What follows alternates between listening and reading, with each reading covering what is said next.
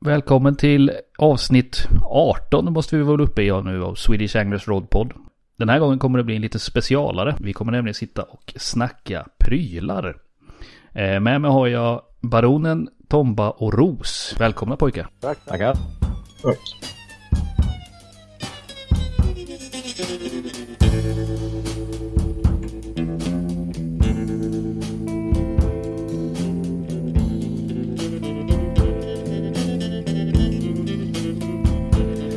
I've had enough of your bullshit to last me a lifetime.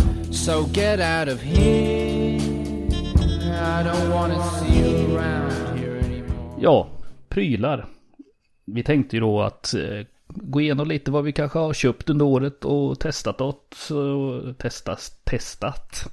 Höll jag på att säga, men vad vi har använt helt enkelt. Alltså är vi nöjda med några prylar vi har köpt in? Varför? Varför inte kanske till och med? Och ja, lite sådana saker. Så jag tänker vi, vi går på första delen direkt. Och ska vi ta karpfiskebutiken? Vad har ni köpt därifrån i år? Är det någonting som ni tycker är sådär extra bra? Vi kan börja med Centio. Ja, eh, ja, vad har jag köpt därifrån? Jag har köpt, jag köpte en ny sovsäck för jag var lite less på att frysa en eh, Anaconda Freelancer Vagabond 2 med det eminenta korta namnet. En fantastiskt gosig liten sovsäck med små eh, mysiga muffar som man får över axlarna när man ligger ner. Och den, den håller värmen bra och med lite vatten från stöten. Den gick alldeles utmärkt att sova bredvid en grusväg utan tält och allting. Så att, nej, den är jag supernöjd med. Lite lite stor kanske och, och ihoppackad men, men det får man igen av att den är fluffig och gosig liksom. Men är det en ja. Eh, fyra eller fem säsongs? Det är nog en, jag skulle tro att det är en eh, vår, eh, sommar, höst ungefär. Mm. En trea skulle jag tro. Framförallt eh, vår, höst. Så. Ja. Sommar behövs det ju knappt någon. Men, men vår, eh. höst är nog precis lagom där. Den, den har varit, jag varit jättenöjd med. Sen har jag även köpt en ny hov till karpfisket då. En Saber Tackle Carbon 42. Den är ett ganska kort hovskaft på men det tyckte jag, det är 1,85 ungefär. Eh, ett tvådelat hovskaft så den blir väldigt liten och smutt att ha med i och bara trycka ner i spöfodralet. Med metalldelar i, ja, där du sätter ihop hoven om man säger så. Eh, känns väldigt stadig och bra. Eh, den har jag varit skitnöjd med. Djupt bra hovnät. Mm funkar nog både från båt och sånt tack vare att det är lite kort skaft. Och så blir den väldigt transportbar eftersom den blir så liten när man plockar ihop den. Ja, det är alltid ett bekymmer annars tycker jag med hovar och hovskaft och elände. Ja, jag har generellt gått över till take apart eller, eller teleskopskaft. Det är väl bara när jag går med efter färna som jag brukar ha det utfällt en hel hov om man säger så. Men annars har jag gått över mycket till de här ihopfällbara bara för att få ihop det lite smidigt. Sen har jag även kört en del med deras egna pop-ups, premium pop-ups. Framförallt Milky Bee. Den körde jag uppe i Stripagölen och den fungerade ju alldeles utmärkt där uppe. Den är ju en burk med blandad 12 och 15 millimeters. De är väl rätt mjuka på papsen så det är inga stenhårda eh, beten men eh, fånga fisk det gör de. Och de poppar som de ska liksom. Mm. Ja, jag med. Och de, någon sån burk liggandes.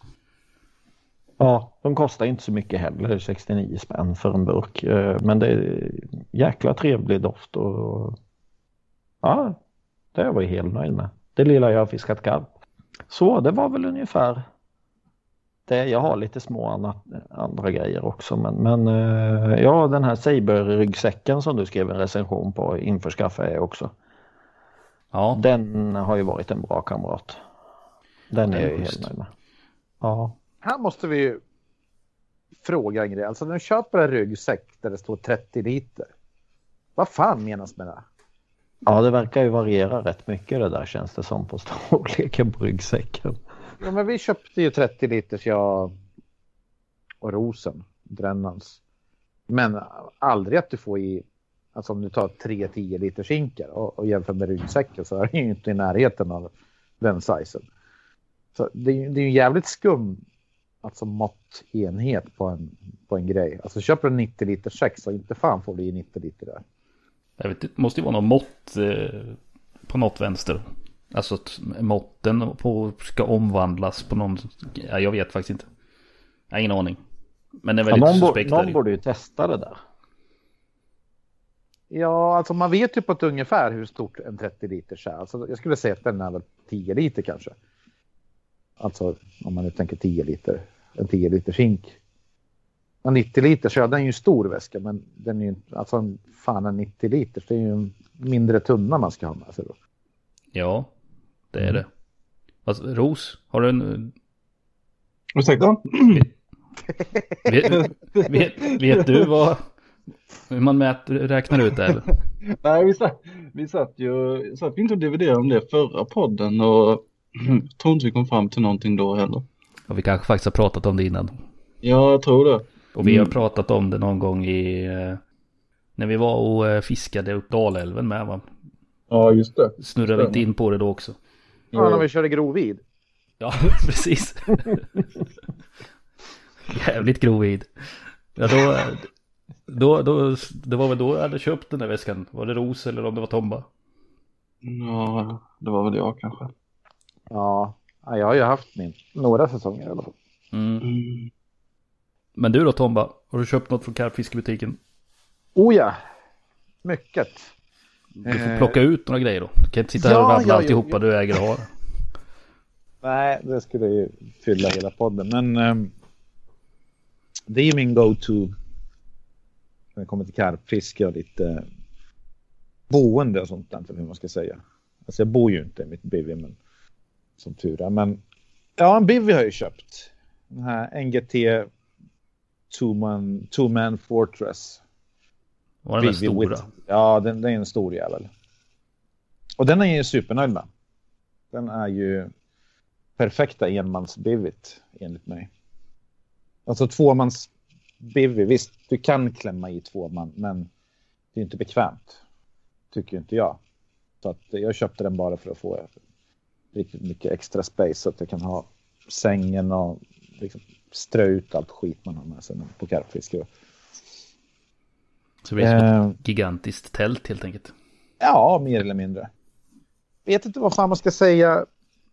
Liksom inte hitta några direkta nackdelar. Det, det är de här snörena i, i de här pinnarna som jag stör mig på.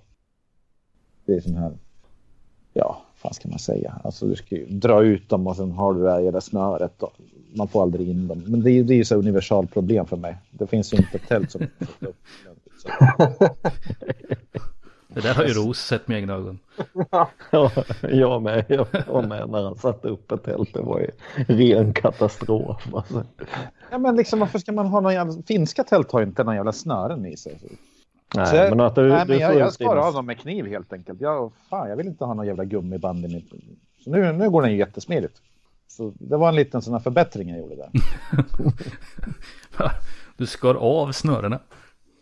Ja men du vet pinnarna, det är ju, du ska ju försöka fälla ihop dem och det blir ju som någon jävla, alltså, så fort du har fällt ner dem och ska ha ner dem så bum så ploppar de upp. Och... Ja du menar den eh, tråden som går i pinnen? Precis, mm. den jäveln. Så de ska jag ha med kniv. Allihop, så nu funkar den. Men jag är skitnöjd med den, den är, den är bra. Stor, rymlig, mycket sådana luft, eh, lufthål. Stabil. Så jag hade den någon, någon storm för det stormar ju alltid när man fiskar, inga problem. Stod inte och fladdrade eller någonting. Och, ja, 2,8 kostar den just nu. Då. Bra pris tycker jag. Sen midrange. Inte, inte det billigaste men inte det dyraste heller. Nej, nej det, jag hade med två manna innan själv. Det, det är gött där jag har lite space så är det. Sen får man ju ta det på bekostnad av att det blir tyngre kanske. Men... Ja men alltså den väger ju inte. Sen... Jag vet inte fan alltså påsarna som följer med till sovsäckar och, och bivvis och tält och sånt där. de har man ju inte så jävla mycket för. för man, har man en gång packat upp dem så får man ju aldrig någonsin ner dem där igen. Nej, det, det måste, de har ju, det är några som har börjat med sådana här oversize eh, påsar så man kan eh, faktiskt få tillbaka grejerna i det igen.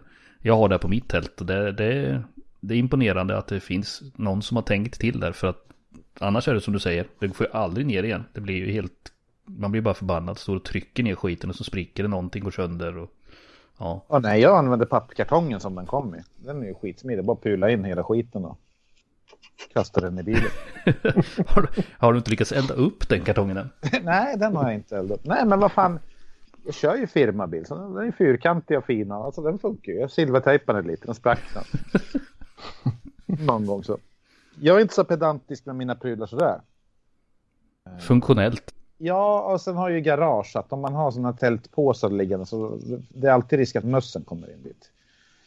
Mm. Så att en pappkartong är ju lite bättre. Den står ju stadigt också. Annars har man ju att vart ställer man en sån här tält som är helt snedpackad? Alltså den, den varken står eller ligger så här självrullande. ligger i vägen. Ja, alltså, ja, jag vet inte fan. Jag är ingen sån där praktisk lagd, men alltså jag har inte nerver till, till att hålla på och vika den. Alltså man ska ju bara kunna vika ett tält på måfå och sen få in den i någonting. Alltså om jag sparar 10 centimeter av dem, det är bara att köpa en större bil. Så är problemet löst. Ja. Att, eh, så här med utrymme, jag har ett stort garage jag kan ha grejerna i. Jag har en firmabil som jag kan köra runt grejerna i. Så jag kan ta med mig lite större prylar. Så att eh, det funkar bra med pappkartong. Det är bra skit. Ja, men den här på, det är som du säger, de här man, man får aldrig tillbaka grejerna. Det är omöjligt. Ja, det sätter ju fart på psyket i alla fall när man ska försöka peta ner det i det. Ja, det är jävligt irriterande. Så när det är blött och jävligt och du vet, man, man vill bara hem och så kan man stå och vika. Eller... Nej, usch. Jag blir tokig bara jag tänker på det. Och till det så köpte jag en säng. Jag hade ju då en fullt fungerande säng. Jag tänkte vad fan, jag ska köpa en, jag ska köpa en lite lyxigare. Tänkte. Så jag köpte Sonics, den här Five Season SK Tech eh, Sleep System. Jag stod och funderade, vad är den här femte säsongen? Vad är det för någonting? Ja, det är ju eh, vinter, eh, vin, vintersovsäck. Jo, det förstår jag, men jag tänkte Five Season. Det låter... Nej, jag vet inte, det är engelsmännen som har fem säsonger av livet. det är som de här 40 liters väskan. Ja, precis. Det är lite samma sak. Någon har hittat på en ny säsong, den femte. Det är ingen som vet vad det är för något. Ja, ja men det är när de får snö var femte år. Mm. Så kan det vara. Så de har liksom en, en vår, sommar, höst, vinter och snö. Ja. Mm. Men den här har ju som, eh, som en sovsäck eller hur man ska säga. Fastsydd eller ja, med dragkedja in i, integrerad i sängen. Det är en lite sån här flat, flatbed eller vad det heter. Den är ju väldigt så här. Ja, man sjunker inte in i den som man, man ligger inte som i en vagga utan man sover faktiskt jävligt bra. Ja, sovsäcken sitter fast på sängen va? Ja, det gör den. Och sen, den, den är väldigt, väldigt stabil. Är den. Till skillnad mot många andra sängar man har haft som, som blir lite så säckiga och konstiga efter ett tag. Men nej, den här är, är supernöjd. Varm som satan. Ja, snö. Kanske inte den optimala sommarsängen sådär. Ja, så då får man ju, får man ju sova med de där grejerna öppna, liksom ta bort dem eller någonting. Men eh, när det är lite kallt och så, så är det ju prima. Och så är den rätt bra det är dragkedja på bägge sidorna så beroende på vilken sida du har sängen och fickorna finns på båda sidorna och så där så att man behöver inte ha den just pekande ja, liksom mot öster eller någonting utan den funkar att vrida lite hur som. Ja, den är jag supernöjd med. Så fem, fem plussar. Mm. Här, så att, sova gott, det vill man ju göra. Absolut, det är viktigt. Det, det, det, det är väl de mest. stora grejerna jag har köpt kan man säga. Alltså, nytt tält, nytt tält och uh, ny säng. Mm. Allt annat är ju en bonus. Det är så jävla pissigt och du vet så sova trångt i någon brolly eller någonting och sen ha en säng som man har liksom legat för länge i. Och... Så jag tänkte att nej nu, nu jävlar nu ska jag upgrada lite grann. Så det är jag nöjd med. Ja, ja jag, jag kan fortsätta där så eh, jag köpte också en ny säng faktiskt. Också som flatbed fast eh, Witchwoods variant. Eh, för jag hade med en sån här gammal, eh, jag hade någon, fan heter de? JRC X-Lite eller något sånt här tror jag den heter. Lätt säng som tusan, smidig, men väldigt liten och säckat ihop ordentligt så man låg som en jävla kokong i den och är hoptryckt. Eh, så jag investerade med en ny säng med en sån flatbed. De är jävla sköna att sova i måste jag säga. Man, mm. man sjunker inte ihop i den utan den är riktigt bra och lite bredare än den gamla med så att eh, man får plats med, med ölmagen. Det är en jävla skillnad på att ha den här som, som är som en jävla vagga att man ligger. Mm. Och så Eller flat. Ja, för där, där, har du bara en position där du kan ligga i. Det är i mitten. Försöker du ligga på sidan så rullar du ner igen. Ja. De här flat-sängarna, där kan man ju ligga lite hur som. Jag gillar ju att ligga, ja, alltså jag rullar ju när jag sover. Alltså det är ju på sidan och hur som. Så det funkar den här sängen. Ja, det är skillnad mot de här gamla du har de här stora skruvarna på sidan som du kan ställa ryggstöd och grejer på. Det är ju helt eh, i min värld onödigt. Mm. Så det, nej, det är ju stor skillnad. Ja, Ros, har du något roligt? Ja, jag ska ha dem i ganska kortfattad med tanke på att jag inte har handlat så jättemycket från karpfiskebutiken i år. Eh, det är väl i princip bara blyn och eh, någon väska till blyna så att säga. Men vilka blyn? jag vet faktiskt inte ens vilka blyn. NGTS blyn tror jag det var förresten. De är jävligt fina mm. i och för sig. Uh, sådär, men sen sitter och när jag hör er prata om säng, jag kommer att tänka på, jag har fan haft min bedshare i 12 år tror jag. Den är helt slut. uh, så det kanske vore dags att investera i en sån där, vad heter den, Escotec. Ja, du såg ju den. Ja, jag har till och med provlegat den. Fy tusan. Den uh, kändes bra, kändes bra. Jo, men det, fan, alltså man sover ju mycket oh. när man kör karp och sådär. Men mm. Om man liksom inte sover bra så fan, man är ju trött hela tiden tycker jag. Men i den här så jag känner mig alltså utvilad på ett annat sätt, måste jag oh. säga. Oh. Det, det var en jävla stor upgrade. Du tycker aldrig att den blev för varm på sommaren liksom? Vad sa du? Den blev aldrig för varm på sommaren för det var en femsäsongs eh, system va? Nej, men då fällde jag bara av den här grejen, alltså den här ja, sovsexaktiga. Ja. Så, så den, den, finns ju lite så här i olika lager eller hur man ska säga. Så att du kan ju ta ah. av vissa. Och sen har ju en sån där, eh, vad fan kallas de här filtarna, de här lite tunnare termofiltarna. Så jag körde en sån som täcker bara, så då, gick, då var det ju som en vanlig.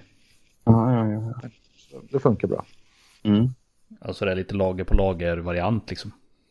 Ja, precis. Och sen kan du ju dra med dragkedja. Vill du inte ha den här tjocka så kan den går ju att ta bort och tvätta separat och så. så det är som en, en skön bred sovsäck och en säng. Eh, allt i ett. Och så. Det går mm. att dra av och lägga till och allting. Och, som, en, som vilken säng som helst. Ja. Mm. Jag köpte ett sånt sommartäcke. Anacondas. Eh, jag kommer inte ihåg riktigt vad, vad den hette på modell. Men det kostade väl en 400-500 spänn eller något sånt. Eh, så man kunde spänna fast i, eh, i sängen. Mm. Det var riktigt så här. Ja, jag har använt det som extra filt med för den delen på när det har varit kallt istället för att ha fem säsong eller vad det nu hette då. Eh, jävla trevligt med ett sånt lite tunnare täcke bara. Annars har man haft sovsäcken så har man haft den öppen och slängt runt med och grejer för man har alltid blivit så jävla varm på sommaren. Mm. mm. Tröttnade på det så. Ett, ett täcke var det precis lagom. Mm. Ja, de kör den på rea nu tror jag. Ja. 399. Ja, då är det bara att köpa. Sleep, Köp. Sleeping cover. Ja, precis. Ja. Riktigt eh, schysst. Lite så här flisaktigt på insidan med så att eh, så det, som extra täcke också på när det är kallt så eh, värmer det gärna. Det gör stor skillnad mot, mot innan liksom. Mm. När ni kör karp och sådär. Eh, hur, hur gör ni med skor? Alltså, ni går och lägger er så någonstans så förväntar man sig. Natten är ju alltid en het tid att det kanske sjunger i larmen. Eh, ligger ni med skorna på eller har ni någon sån här foppatofflor ni bara kan hoppa i eller? Ja, det är foppatofflor eller, eller barfota. Ja, jag kör med foppatofflor. Mm. Ja, då är det inte bara jag som kör foppatofflor då. Nej, det är bara Ros som är hård, kör gummistövlar. Nej, jag kör ju fan alltid naken i princip. Jag kommer ju alltid ut i fillingarna. Det spelar ingen roll. Alltid fillingarna. Nej, men när man kollar på engelska karpfilmer då har de ju alltid så jävla påklädda när de drillar karp. Så den här hög mitt i natten och de har ju liksom full mundering och skor och allting. Man tänker, vad fan, det här kan ju inte stämma. Sover man med skorna på det? Har jag missat någonting? Men det är kanske just för att de ska göra en film också. Tror du inte det? Det kanske ser lite halvskumt ut att springa ut i, i fillingarna liksom. Fast då visar man ju inte det sanningen. Nej, det är ju sant. Nej. Det brukar de väl inte göra. Nej, det gör de säkert inte. Eller också så eh, låter de eh, någon annan stackare ta första drillningen så att de hinner klä på sig och göra sig fina. Ja, precis. Ja. Ja, men jag hade, jag hade jättemycket problem med det där tills jag skaffade en sån här rörelselampa att ha i tältet. Den köpte jag visserligen från Biltema. Men det finns ju många olika modeller. Eftersom jag har hyfsat eh, gravt synfel så skulle man ju hitta glasögonen där och sen få på sig skorna och så panik att larmet skriker. Och, eh, alltså jag vet ju flera gånger stå i strumpor ute med, utan glasögon och glömt pannlampan och försöker landa en fisk där. Det, ja, det, det vart, vart ju kalabalik alltså. Men det är, jag höll på att fan bryta nacken av mig när jag i kraschkör. Jag låg, jag låg och lyssnade på podd. Och sen just på den här sängen så finns det två sådana här fickor som hänger ner på sidan. Man kan ha mobil. Så jag hade ju hörlurar i. Och så höll jag precis på att somna och så får jag jordens jävla run. Och sen bara ut. Det är liksom första tanken så här. Och då hade jag köpt sådana iglo skitstora sådana gummistövlar så tog jag bort fodret där så det är bara att hoppa in. Det är som så här jättestora foppatofflor kan man säga hoppa in i dem och sen börja kuta ut och sen smack så tog jag i mig örlurarna igen. Jag bara, vad fan var det där för mössan flög av och allting. Och, och sen kom Sacco dit och bara, vad fan är det som hänger i örat på det? Då hade den gått av den här jävla sladden. Så i ena örat så hängde fortfarande. Det var fan skumt alltså. nu, det, det, finns trådlösa att köpa nu, det kanske är värt att investera i. ja, kanske det, men vad fan. Så är det Det var en sutare också, det var inte ens en karp, men det var en fin sutare, Näst, nästan regg. Så det var det värt. Var värt ett par lurar. Ja, alltså. Mina lurar bruk. Alltså jag använder dem på jobbet. Så jag, jag håller mig till 79 kronor för att det är en, ett set per vecka typ. Ja, de, eh, de nöts. Ja. Ja, vad har vi mer för någonting? Jo, det måste jag ju nämna. Jag, jag köpte faktiskt en hov eh, en Mivardihov, om det nu heter så. Som är, eh, den är väl egentligen tänkt för karpfiske tror jag, men den är eh, riktigt bra till, eh, till gäddmetet, eller predator överhuvudtaget, men gädda gös. Den kommer med något här snabbfäste till själva hovnätet och sen är den en hel, hel stålram liksom. Så det är hård, hård ram på hovnätet. Och sen är det utfällbart handtag på den så att du kan både ha den i båten och du kan ha den från land. Vilket är jäkligt smidigt. Och just att man kan ta bort hovnätet så kan man ju slänga fast det på väskan eller något om man går ut med... Om man fiskar från land som jag gör oftast så... Så är det ju smidigt att kunna slänga fast hovnätet på, på väskan bak och sen bara ha hovskaftet. Och den är, kostar inte så här fasligt mycket heller, 400-500 spänn och det är gummi, gumminät på den så att den, den ska man kolla upp om man gillar att köra gäddmeter från framförallt land. Mm. Det är nice. Mm. Är det den Landing Net Hardcore? Eller vad Ja, det kan det nog heta. 87 gånger 70 centimeter är väl. Det är lätt stort. Oven. Han är stor mm. som tusan i alla fall. Ja. Det är lite svårt det där med hovar alltså. Jag köpte den här Drennmanhoven som det kan komma till som en 26 tumman. Men den, den tyckte jag var, alltså just när man ska fiska typ till blak eller gös eller någonting.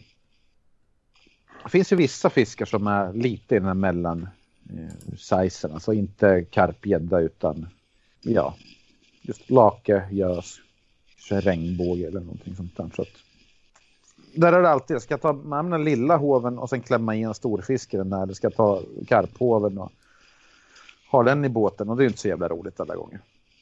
Nej. Så sådana här mid-size hovar, de är fan svåra att hitta.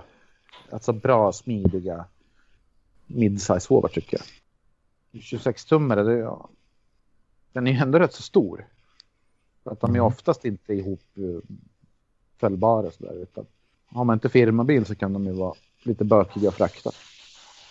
Ja, det, det är alltid det där mellan, mellanläget på något sätt man hamnar i. Det. Mm. Nu var den ju prima när vi körde lake till exempel förra helgen. Den var ju som gjord för lakmete. Du har hittat användningsområdet för den. Jo, men det är ju gös och lake sånt som jag tänkte ha den till. Ja. Så ja, är det ju. Men, det, men, men de, det finns inte så många i den där midsize. Nej. Jag menar, vad kör man för fisk som ska vara i fem kilos klassen? Alltså det, det, finns inte så många arter. Nej, faktiskt inte. Inte så som man behöver hov om den är gädda eller något så är den ju inte så stort menar jag. Nej, men precis. Men kör du gädda då har du ofta en karphov eller någon liknande jättestor. Mm. Och samma med karp då. Men om du ska fiska färna då kommer du inte med någon 26-tummare. Liksom. Då räcker det med en mindre. Ja. Den fyller sin funktion. Det var den hoven eh, Centio som du hittade där. Jag letar upp den här nu samtidigt. Mm, mm. Den har ju...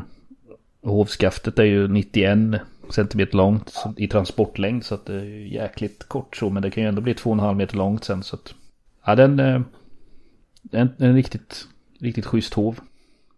Ja den, den såg schysst ut. Jag har varit lite nyfiken på den. Ha som göshov eller något. Jag vill ja. ha en riktigt stor hov när jag fiskar gös. Den, eh, den är riktigt stor. Ja. Jag hade min dotter i den. Okej. Okay. Ja hon ville prova om hon fick plats i den. Det fick hon. Däremot provade jag inte att lyfta med henne i hoven för det tror jag inte är så smart idé. Nej, men det var ju smidigt att det ändå gick att bara snabbfästa och plocka bort mm. själva hoven från skaftet. Det. För det är ju lite bökigt med en del av de andra hovarna jag kör med nu. Då, då är de ju så här hopvikbara. Visserligen det är smidigt, det tar mindre plats, men då ska man hålla på och böka med kulfästen och grejer som ska in och ut som rostar sönder när man legat ett tag i båten och sådär. Ja, den tar ju Alltså den är lätt att frakta med eftersom du kan ta bort själva hov, hovdelen och bara ha skaftet i väskan. Mm. Ehm, så den är, nej, den är riktigt schysst. Och som sagt den är inte bara till, till karp utan predatorfisket är den perfekt till. Mm, mm. Vad kör ni? Ja. Vill ni ha djupa hovar eller grunda hovar ni kör? Djup. Alltid. Djup. Uh, ja, det beror på. Jag Ibland. blir tyvärr väldigt irriterad på de som är för grunda. Det är ju att jag vill kunna vila fisken i hoven till exempel så har man då en sån här 20 cm nät eller något liknande så ja, då får du ju nästan till att ha hoven under vattnet för att du ska kunna ha fisken i den. Ja, det är ju sant. Så det, det, mm. det är anledningen till att jag vill ha en, en djup hov. Det är ju för att jag ska kunna vila fisken i hoven. Om jag till exempel ska ta kort eller någonting så att den kan vara där medan jag tar fram grejerna. Annars är det ju egentligen inte så nödvändigt med, med det, utan det är bara den anledningen som jag föredrar det. Nej, men du kan ju få in en större fisk i en, en mindre hov om den är väldigt djup. Det ja. kan väl vara det. Men jag, jag föredrar lite grundare hovar. Alltså, inga fjärilshovar sådär, men så grunt som det kan, kan vara nästan. Jag tycker att de blir lite snabbare på något vis. Vad ser, mm, det blir. Ser de tävlingsmetarna de hovar. De får ju fan trycka ner så här eh, enorma karpar, de där jättehovarna, eh, eller minihovarna på, man tittar på så här engelska filmer, de sitter med sina take parts.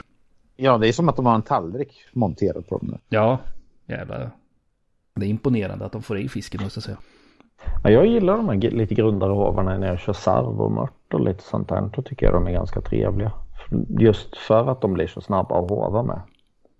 Och, och plus att eh, själva om jag ska köra ett långt hovskaft också, för då, alltså om jag kör ett 3-4 meters hovskaft, då blir de så jävla tunga om man har en väldigt mycket nät som är blött och sådär. Gummihov? Så, ja, ibland tycker jag gummihov är bra. Ibland? ibland ja. Inte, inte alltid? Nej, inte alltid. Predatorfisket använder jag alltid gummihov till. Eller gummerad hov. Uh, jag har nog det på min uh, Färnahov med. Eller det är ju medelfiskhoven kan man väl säga. Men de lättare hovarna, när jag vill ha längre och en lättare, lättare hov, då kör jag ju uh, inte gummerat. Om jag kör med långt skaft och så. Ja, alltså. Jag har faktiskt kört nu vår och höst har jag kört gummihov. På sommaren så går det ju med vanlig ja, nät eller tug eller vad fan den är gjord av, någon tråd. Men, men just uh, kallvatten, alltså när allt är fuktigt, alltså de torkar ju aldrig. Sommar, sommaren är ju allting torrt när de kommer till bilen. Oftast om det blåser lite schysst väder sådär. Men just på hösten så då kan ju en hov kan ju fan vara blöt i en vecka efter att du har använt den där. Så ja, på hösten så körde jag faktiskt mycket med gummihov. Jag, jag tyckte den var mycket bra. Jävligt skönt mm. att bara skaka av när man kastar i bilen. Det luktar nästan ingenting. Nej, det är väl den största för fördelen med det. är gott när det luktar lite fisk i bilen på vägen hem, är det inte När tjejen ska ha bilen, då är det inte lika roligt. Ja, nej. Det kan bli lite konstig stämning. Mm. ja, de, de, är inte ofta så nöjda över den där sköna lakdoften man har. Eller någonting. Ska vi eh, gå vidare på något annat? Ska mm. vi kanske peta in mm. något? Eh, jo, vi pratade ju, var inne där på Drennanhoven Tomba. Vi kanske ska gå över till det. Jag vet ju, vi har ju några stycken som har köpt på oss lite Drennan-grejer under årets gång. Ska Ros börja kanske? Kan jag göra. uh, ja, vi har ju köpt oss uh, Drennan Hardcase heter det va? Två spösfodral. Mm. Uh, det, är, det är helt sjukt bra det. Uh, det finns inget bättre. Tycker jag. För mitt fiske. Vad ska man säga? Ja, vad ska man säga? Jag håller med dig. Uh, nätt och smidig och samtidigt får plats med hur mycket som helst. Det. Med tanke på att det finns små fack inuti. Du kan trycka dit banksticks och toppar till quivertoppar och jag brukar ha lite feeders och lite linor och grejer med liggandes i de här småfodralen. Ja, det, alltså, Eller, den, är ju små... så genomtänkt. Ja. Måste säga, just med de här små detaljerna som små fickor där du kan ha liksom feeders och hela den biten. Det... Ja. Ja, nej. Vad, vad ligger den i för prisklass då? Jag vet faktiskt inte vad den kostar. Vad var det? Kan det vara en, jag tror det är 1200 kanske eller något 13. Jag kommer inte ihåg riktigt. Jag ska se om vi kan. Eh... Ja, runt 1200 någonstans verkar den ligga på. Ja, jag för mig om att det var där någonstans. Uh, hittade den på Dogg bland annat. Ja, 1200. Precis, jag var också inne där 1199. Uh, ja, jag använder den nu till, jag har kört uh, lite gäddmete. Så jag har faktiskt haft detta också till 8000 rullar i två stycken utan några problem. Jag fick fälla ena vevhandtaget för att kunna stänga den. Men den är ju inte gjord för det. Men det får plats med, med, med sådana grejer också. Ja. Så att eh, det är ju inte, det är inte sådär supertight som vissa fodral kan vara. Mm. Utan du, du har ju lite space på dem. Och sen att mm. ja, du kan ju ha både hovskaft, eh, parasoll, tre, fyra banksticks i, eller på, ut, på utsidan ju. Exakt. Och sen är det både bärhandtag och axelrem och ja, nej, jag är också riktigt jäkla nöjd med det här måste jag säga. Det är nog mitt absolut bästa köp på riktigt länge. Ja, jag håller med. Och just att, just att det är lite hårt med. Det gör inte så mycket om man slår i något eller behöver inte vara så jävla rädd för grejer. Att knäcka spöna eller något sånt. Utan det, det skyddar ordentligt. Ja, jag har faktiskt saknat det alltså innan. Uh, och det är så jäkla jobbigt vet du, man plockar ut spöna och så har man fortfarande feedertoppar i spöfodralen och sen mjuka spöfodral och det bara viker sig. Mm. Och det bara ramlar ut grejer överallt. Då blir man ju vansinnig. Ja, eller så kör man med de här gamla eh, quiver. Eh, Nej, det slutar jag med. Varianterna, då får man ha spötoppsskydd till, till det med. Då blir det ytterligare. Så att, eh, ja. Det, det är jag inte alls förtjust i. Skivor. Vad fan, jag som precis skulle snacka om dem. Ja, jag, vet, jag vet att uh, ni kör det och, och uh, Sacco med och sådär. De verkar alltså, de ser ju schyssta ut men jag gillar inte alltså idén liksom att du ska ha massa, vad fan ditt, det ser ut som, uh, jag vet inte vad det är ditt skive Tom, det är toppar och djävulskap som sticker ut överallt och ja fy fan vad det ser ut. men vad är det jävla påhopp? ja men det är sant ju. Jag har klämt i en parasoll där i mitten. Det är ett stort jävla fack i mitten som man kan ha någonting i. Alltså, ja, alltså du kan antingen fylla det med ölburkar eller en parasoll. Jag brukar ha parasollen. Typ. Men är det där sånt gammalt Drennan liknande du har eller? Ja, det är inte bara liknande, det är ju en Drennan. Ja, ja det är den, den, den gamla varianten, man ska säga. Som de, för om... Mm. Nej, det är nog förra årets modell. Ja, det är den nyaste. De ja, för, förra året eller något. Ja, ja men den är ju superbra. Visst, ja. det går ju av toppar hela tiden, men fan, det är väl inte hela Jag tror jag brutit av en tre, fyra stycken i år. Men jag menar, vad fan, jag har ju hela skivan full med toppar, så det är väl inga konstigheter. Alltså, jag har aldrig förstått det där att man köper ett spö, så ska man frakta den på någon jävla ja, säkerhetsbil eller någonting. Utan det är ju förbrukningsvara. Vad, vad kostar en topp? 100 spänn. Det är ju värt att vara oförsiktig för det där lilla priset. Mm. Sen har man ett, ett tredelat spö så och, inte sällan så hänger den ju efter dig när du går. det är det jag menar. men det, det, är ju tredelade spön som gör att det hänger efter den. Man ju överallt. Ja, ja, men alltså jag bryr mig inte. Alltså, det, det är så otroligt länge sedan jag slutade bry mig. Jag tar hela skiten, sen slänger den in i bilen och sen kör jag till nästa ställe om jag kör Färna och sen... Alltså, vad ska jag spara spöt till när hundra år? Då? Sitta och klappa på det. Ja, precis. Det är, det är ju vansinnigt. Det är, som, det är exakt samma sak som när folk tvättar bilar och har sig. Alltså helt onödigt. Det är förbrukningsvara helt enkelt. Ja, jag har inte tvättat min, nu är det inte min bil, men jag har inte tvättat den på två år. Men vad fan ska jag tvätta den? Alltså jag räknar ut det där. Att tvätta bilen i liksom normal förbrukning. Det kommer ju gå på 12 lax att tvätta biljäveln. Och när jag är klar med bilen då är den inte värd 12 lax. Nej. Det är ju, det om något är ju en förlustaffär. Ja, det är bara att bygga ja. på förlustaffären från, eftersom en bil är en förlustaffär från början så. Ja, men, ja, men du förstår poängen. Alltså, mm. Grejer är ju, de är gjorda för att... Alltså quiverspänn, de är gjorda för att misshandlas. Alltså, du, klämma in dig i buskar och... Fan vet allt. Jag vill inte ha samma topp i 14 år. En topp kostar inte många spänn. Nej, nej det gör de inte. Det är ju mer om själva spöet går av, så då, då börjar det bli jobbigt. Om man inte har med ja, sig flera spön. Du, ja, men då ska du mycket boll till ifall du bryter hela spöet. Det menar de här topparna, alltså ringarna allt det, det slits ju. Så jag vill inte ha någon topp med slitna spöringar heller som blir skadade på linan eller någonting. Så jag tror att, att byta toppar lite då och då, det är nog endast bra. Ja, jag har nog lyckats knäcka två eller tre i år så att... Ja. Där hjälpte det inte med ett eh, hard case. Det var ju handhavande fel vid, eh, vid fiske. Jag tror jag trampade av ett till exempel. Ja, det är ju lätt hänt. Mm. Så spön är ju lång, de brukar fastna lite när man går runt vid år.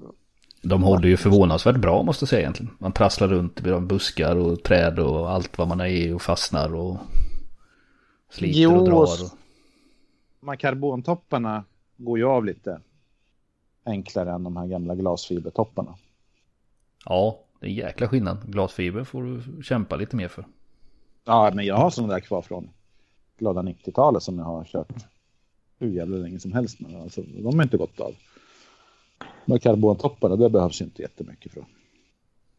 De flesta tunnare toppar är ju glasfiber oftast. Ja. Även idag. Ja, jag, jag har köpt karbon till, till mina spön. Det fanns ju, det fanns ju alternativ, glasfiber eller karbon. Mm.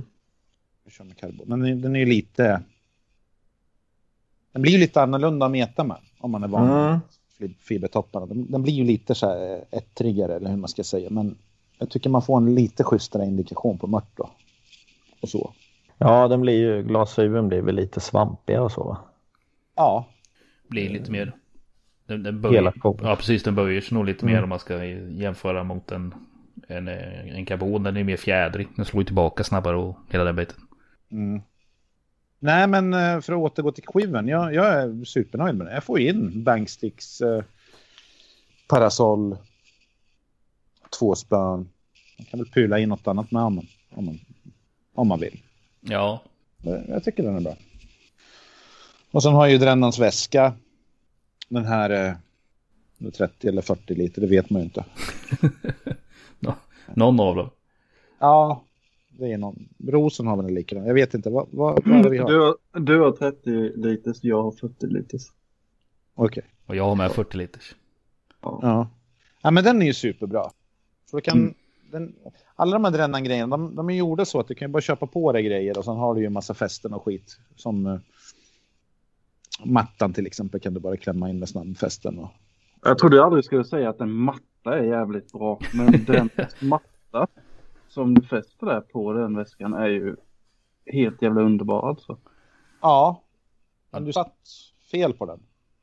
Ja, på din ja, men inte ja. på min. Nej, den... han hade ingen stol med sig. Så man kan få låna den matta. Ja, men då har jag den här fin, fin, fin delen mot backen. Så den var ju liksom skitig på bägge sidor. går jag runt med en skitig matta. Ja, det är ja. schysst. Ja, sån är jag. Ja. Mm. Nej, jag... Nej, men de är superbra. Sen ett, ett trick där är rosen på mattan. Om du får en fisk då kan du knäcka den lite på mitten så att det blir ungefär som en vagga. Mm. Fisken? Mm. Ja, fisken. Nej, men den där, jag brukar liksom knäcka den på mitten och sen har jag knät under så att om du ska ta kort och mäta en fisk så då kan den liksom inte halka neråt. Den ligger liksom som en vagga lite grann. Mm. Mm. De, är, de är lite mer, eh, vad ska man säga, alltså formbara drännansmattor. För vissa mattor, när du har rullat dem en gång så lägger du i en mört så rullas den ihop med mörten i. Mm. Men de här blir ju, alltså de håller ju formen väldigt, väldigt bra om du knäcker den. Mm. Så att det blir väldigt fina kort om du ensam fiskar. Ett bra tips. Ja, det som är schysst med den väskan med är ju den lilla kylväskan uppe på. På topp, mm. eh, toppdelen. Plus att du har ju eh, så du kan ju spänna fast om man har någon jacka eller vad man vill ha för något uppe på också. Sen har du liksom hela utrymmet invändigt sen så att den, ja den tar ju jäkligt mycket prylar. Ja, och jag gillar att man inte har ett stort mittfack för då fyller man den med skit och där man ska ha ligger alltid längst ner. Så det är bättre att man har ett, ett, ett, lite mindre mittfack där man har typ termos och mackor och någonting. Och sen har man större sidfack där man har en för krok och fiders och en för öl och en för ja, snus och cigg och sådär. Det är ju svinbra. Ja. Man vet ju alltid vart grejerna finns. Ja, det, det är ju rejält tilltagna fack både på sidan och fram. Ja, um. för den ena den är ju som gjord för en eh, eh Samsung Electric. Den går precis in. De har tänkt till det. jag vet inte om de har gjort det, men den, den, den är perfekt för det. Är den. Det, det, där är ju alltså bästa väskan jag har haft. Överlägset. Tycker jag. Ja. Det... Den väskan från eh, Saber är ju jävligt bra också. Alltså hinkväskan. Mm. Tycker jag alltså. Men den har man ju kanske vid lite andra tillfällen gentemot eh, Brännarväskan. Men det är sådana knalla runt och fiska färna. Ja, väldigt, väldigt mobilt och mm. ja, men så här korta halvdagspass kanske till, till exempel och sådär. Så, då är den helt sjukt bra. Hinkväskan. Ja, jag har faktiskt två som jag har köpt. Jag tänkte att om de här går i produktion så har jag i alla fall en som är klara med några år till. Alltså det, jag tycker den är helt fantastisk. Mm. Det är ingenting man vill sitta en hel vecka i, men... Nej, så är det Vad är det den, den 15 liter kink eller något sånt man stoppar i va? Mm. Jag köpte en 10 liter, så jag köpte en lite mindre hink för att när man hade en stor hink där, det var, det var lite tajt mot uh, fickorna på sidan tyckte jag. Mm. Mm. Så att den har lite mindre hink, då kan du ha lite mer grejer i fickorna. För jag föredrar att ha dem på utsidan så att man inte behöver liksom öppna den när det är om man ska ta ut krok eller något, fiders eller öl eller vad man nu ska ha. Så att... Eh...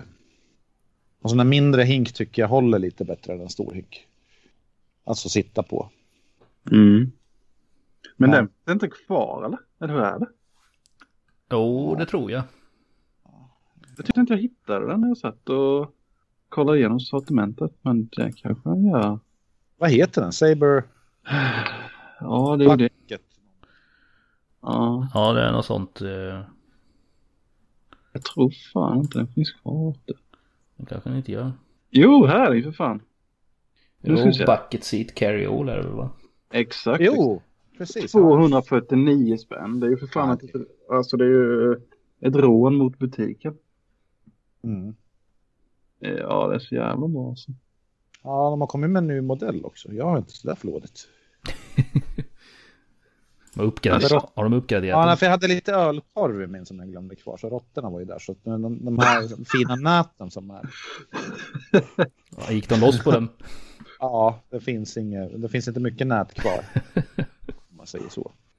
Vart var vi? Eh, Drännan. Drännan, väskan var det ju där. Eh, jag kollar här, Fiskekompaniet har ju den. Den är väl värd att kolla upp. Finns ju i 30 liter och 40 liter som sagt. Sen har vi den berömda Roving-bagen också på 20 liter Tomba. Axelväskan. Bögslungan. Favoritväskan. Kommer aldrig jag användas. Jag har den i en kartong fortfarande. Jag har inte vågat, vågat öppna. Alla snackar om det. Jag bara, men vad fan, jag köper. Så, så när jag kommer hem jag bara, nej men den här vill jag inte använda. Men eh, den kanske är bra. Jag vet inte. Jag har inte öppnat och kollat den. Ja, det är väl om man eh, kör något väldigt eh, kortpass kanske som eh, du, du, får ju i lite små grejer i den. Någon eh, halvlimpa franskbröd till färnat till exempel. Ja men flytbrödsfisken. Ja. Den kan jag tänka mig att den är jävligt bra. Då är, det, det är väl där den har sin, sin potential i alla fall. Ja, men jag är ju som en pryl. Jag ska inte säga prylnisse. Eh, så jag vet inte fan, vet, det blir alltid att man har lite för mycket prylar med sig. Så en sån här rolling bag, det, det, alltså den har ju sina begränsningar. Ja, jag är mm. lite likadan, man stoppar ner lite för mycket saker. Så egentligen borde man väl kanske sikta in sig på en sån väska ibland och bara försöka banta ner lite. ja, det är en perfekt rehabväska liksom. Ja, det, För att lära sig att inte ta med massa onödigt skit som man ändå inte använder. Nej. Jag, jag har ju en sån liggandes i garaget med. Jag har inte använt den alls mycket kan jag inte påstå. För att eh, jag tycker att jag får i för lite grejer i den. Men eh, ja. Ytmetet efter Färna. Då ska jag baske mig använda den. Jo men det här rörliga metet måste den ju vara ganska smidig. För det är inte mycket man behöver till det. Nej, och du har ju samma möjlighet att hänga dit eh, avkrokningsmattan på, på den väskan med. Så, att... mm. så det är... Jaså? Ja, den finns, de fästena finns till den och du har så att du kan hänga dit en tröja eller så uppe på den delen också finns ju där så att. Och sen tröja? ja, om du vill ha en tröja uppe på de här spännbanden du vet som du har på ryggsäcken. Jaha, det har du tänkt på. Det, de finns på den här väskan också. Något, eh... ja, jag brukar ha tröjorna på mig. Men... Ja, men om du vill ha en extra tröja eller något. Vad fasen vet jag. Mm. Regnjacka Regnjacka kanske. eller mössa. Ja, mössa har jag alltid på mig. Så att de, den häktar man ju aldrig av. Liksom. Nej. Nej, men den är... Jag ska försöka använda den lite mer i vår tänkte jag. Ja. Men du köpte... Men jag måste säga att Drännan ska, alltså de, de är ju jävligt bra på något vänster. Jag har aldrig typ köpt någonting från Drännan som jag tycker, nej men det här sög. Utan de håller väldigt hög höjd. Ja, det är ju, det är ju en jävla kvalitet på grejerna, så är det ju bara. Det kostar mm. ju en slant kanske, men det, det brukar ju betala sig rätt bra tycker jag när man köper någonting, i alla fall sådana saker som man använder väldigt mycket. Alltså som deras eh, ryggsäckar och sånt där. De, jag tycker man nöter med samma väska nästan hela tiden bara för att man vet att det funkar och håller. Ja, för det finns ju väldigt mycket sån här alltså extremt billiga grejer. Alltså, om man kollar på karpfiske till exempel. Då kan du hitta saker som är extremt billiga. Man tänker att fan en sån här skulle jag vilja ha fast den, den är riktigt, riktigt bra kvalitet typ. Mm. Jag menar. Alltså många praktiska väskor och sånt där, men kvaliteten kanske inte. Alltså, hitta någonting som är tokförälskad i. Det här är typ det bästa sen skivat bröd. Då vill jag ju ha en i, i kvalitet och då får det gärna kosta en slant. Det spelar ju ingen roll. Nej, och det... Jag vill, vill inte ha en i budget som man bara blir ledsen att fan, nu gick den paj. Nej, precis. För man, hittar man någonting som man gillar så, så använder man det ju mer, så är det ju va. Mm. Då sliter man ju på det väldigt mycket snabbare. Så. Ja, nej, men så är det ju. Men vi kan stanna kvar lite vid Drennan då. Spö. Jag kan... Eh, jag köpte de här Twin Tip-spöna. På lite vinst och förlust får man väl säga för att... Det är ju inget renodlat fiderspö, det är inget renodlat flötmeter heller för den delen, inget matchspö så, utan det blir ju de här specialistspöna. Men ja, jag är riktigt jäkla nöjd med dem måste jag säga. Så jävla trevliga spön.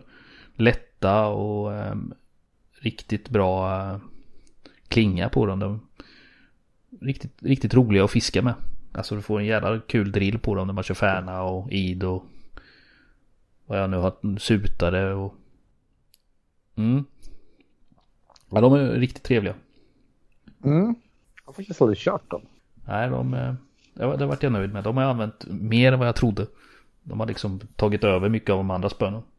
Köpt, har inte du på sådana Tomba? Nej, jag har den här Vertex eller vad den heter. Ja, det är ju ett renodlat fiderspö. Mm. Ja, det, det, var nästan lite... Jag vet inte fan, alltså. Jag kan inte säga någonting ont om spöet egentligen. Jag kan inte säga att det är ett dåligt spö, men den föll inte mig i smaken. Men den, den var för lätt, för, för, för delikat för det jag håller på med. Eh, så, lite så snobbspö. Varför fint? Ja, men jag vet inte fan. Jag, jag gillar ju när spön är lite så halvtunga och känns lite så arbetarklassiker, du vet. Så. ska vara lite stakig i dem. Och så den här var ju som en jävla pimpelspö i vikt. Så den kändes alltså, toksköna att drilla med och bra pulver och allting. Men jag vet inte fan, en vanlig sak tror jag. Men jag är liksom nöjd med den på alla sätt. Men, men inte där du väljer om du ska ha två spön framför? inte till det här priset, måste jag säga. Jag vet att um, det, är liksom, det är ett otroligt fint spö, så är det ju. Men uh, Ja, jag vet inte fan. Det, det är nog mycket en smaksak också. Jag, jag gillar ju att ha en viss tyngd på spön och, och grejerna. Folk säger att ja, men fan, den här väger 316 gram och den där på 400. Den är ju för tung. Men fan, det är bara att gå på gym eller någonting om man tycker att ett spö är för tungt. Vi metar, hur ofta håller du i spöet? Nej, det är sant. Det är väl ja, mer att... balansen i det i sådana fall som jag gillar när de är lite lättare så att ja, jag vet, det är svårt att förklara.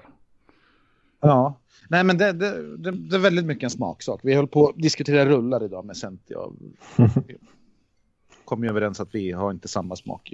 Jag, jag vill ha bakbroms på allting. Jag vill inte ha sådana här 4000 klassen och uppåt som han vill. Utan jag vill ha väldigt små rullar. Typ så här RGT 1500 eller någonting.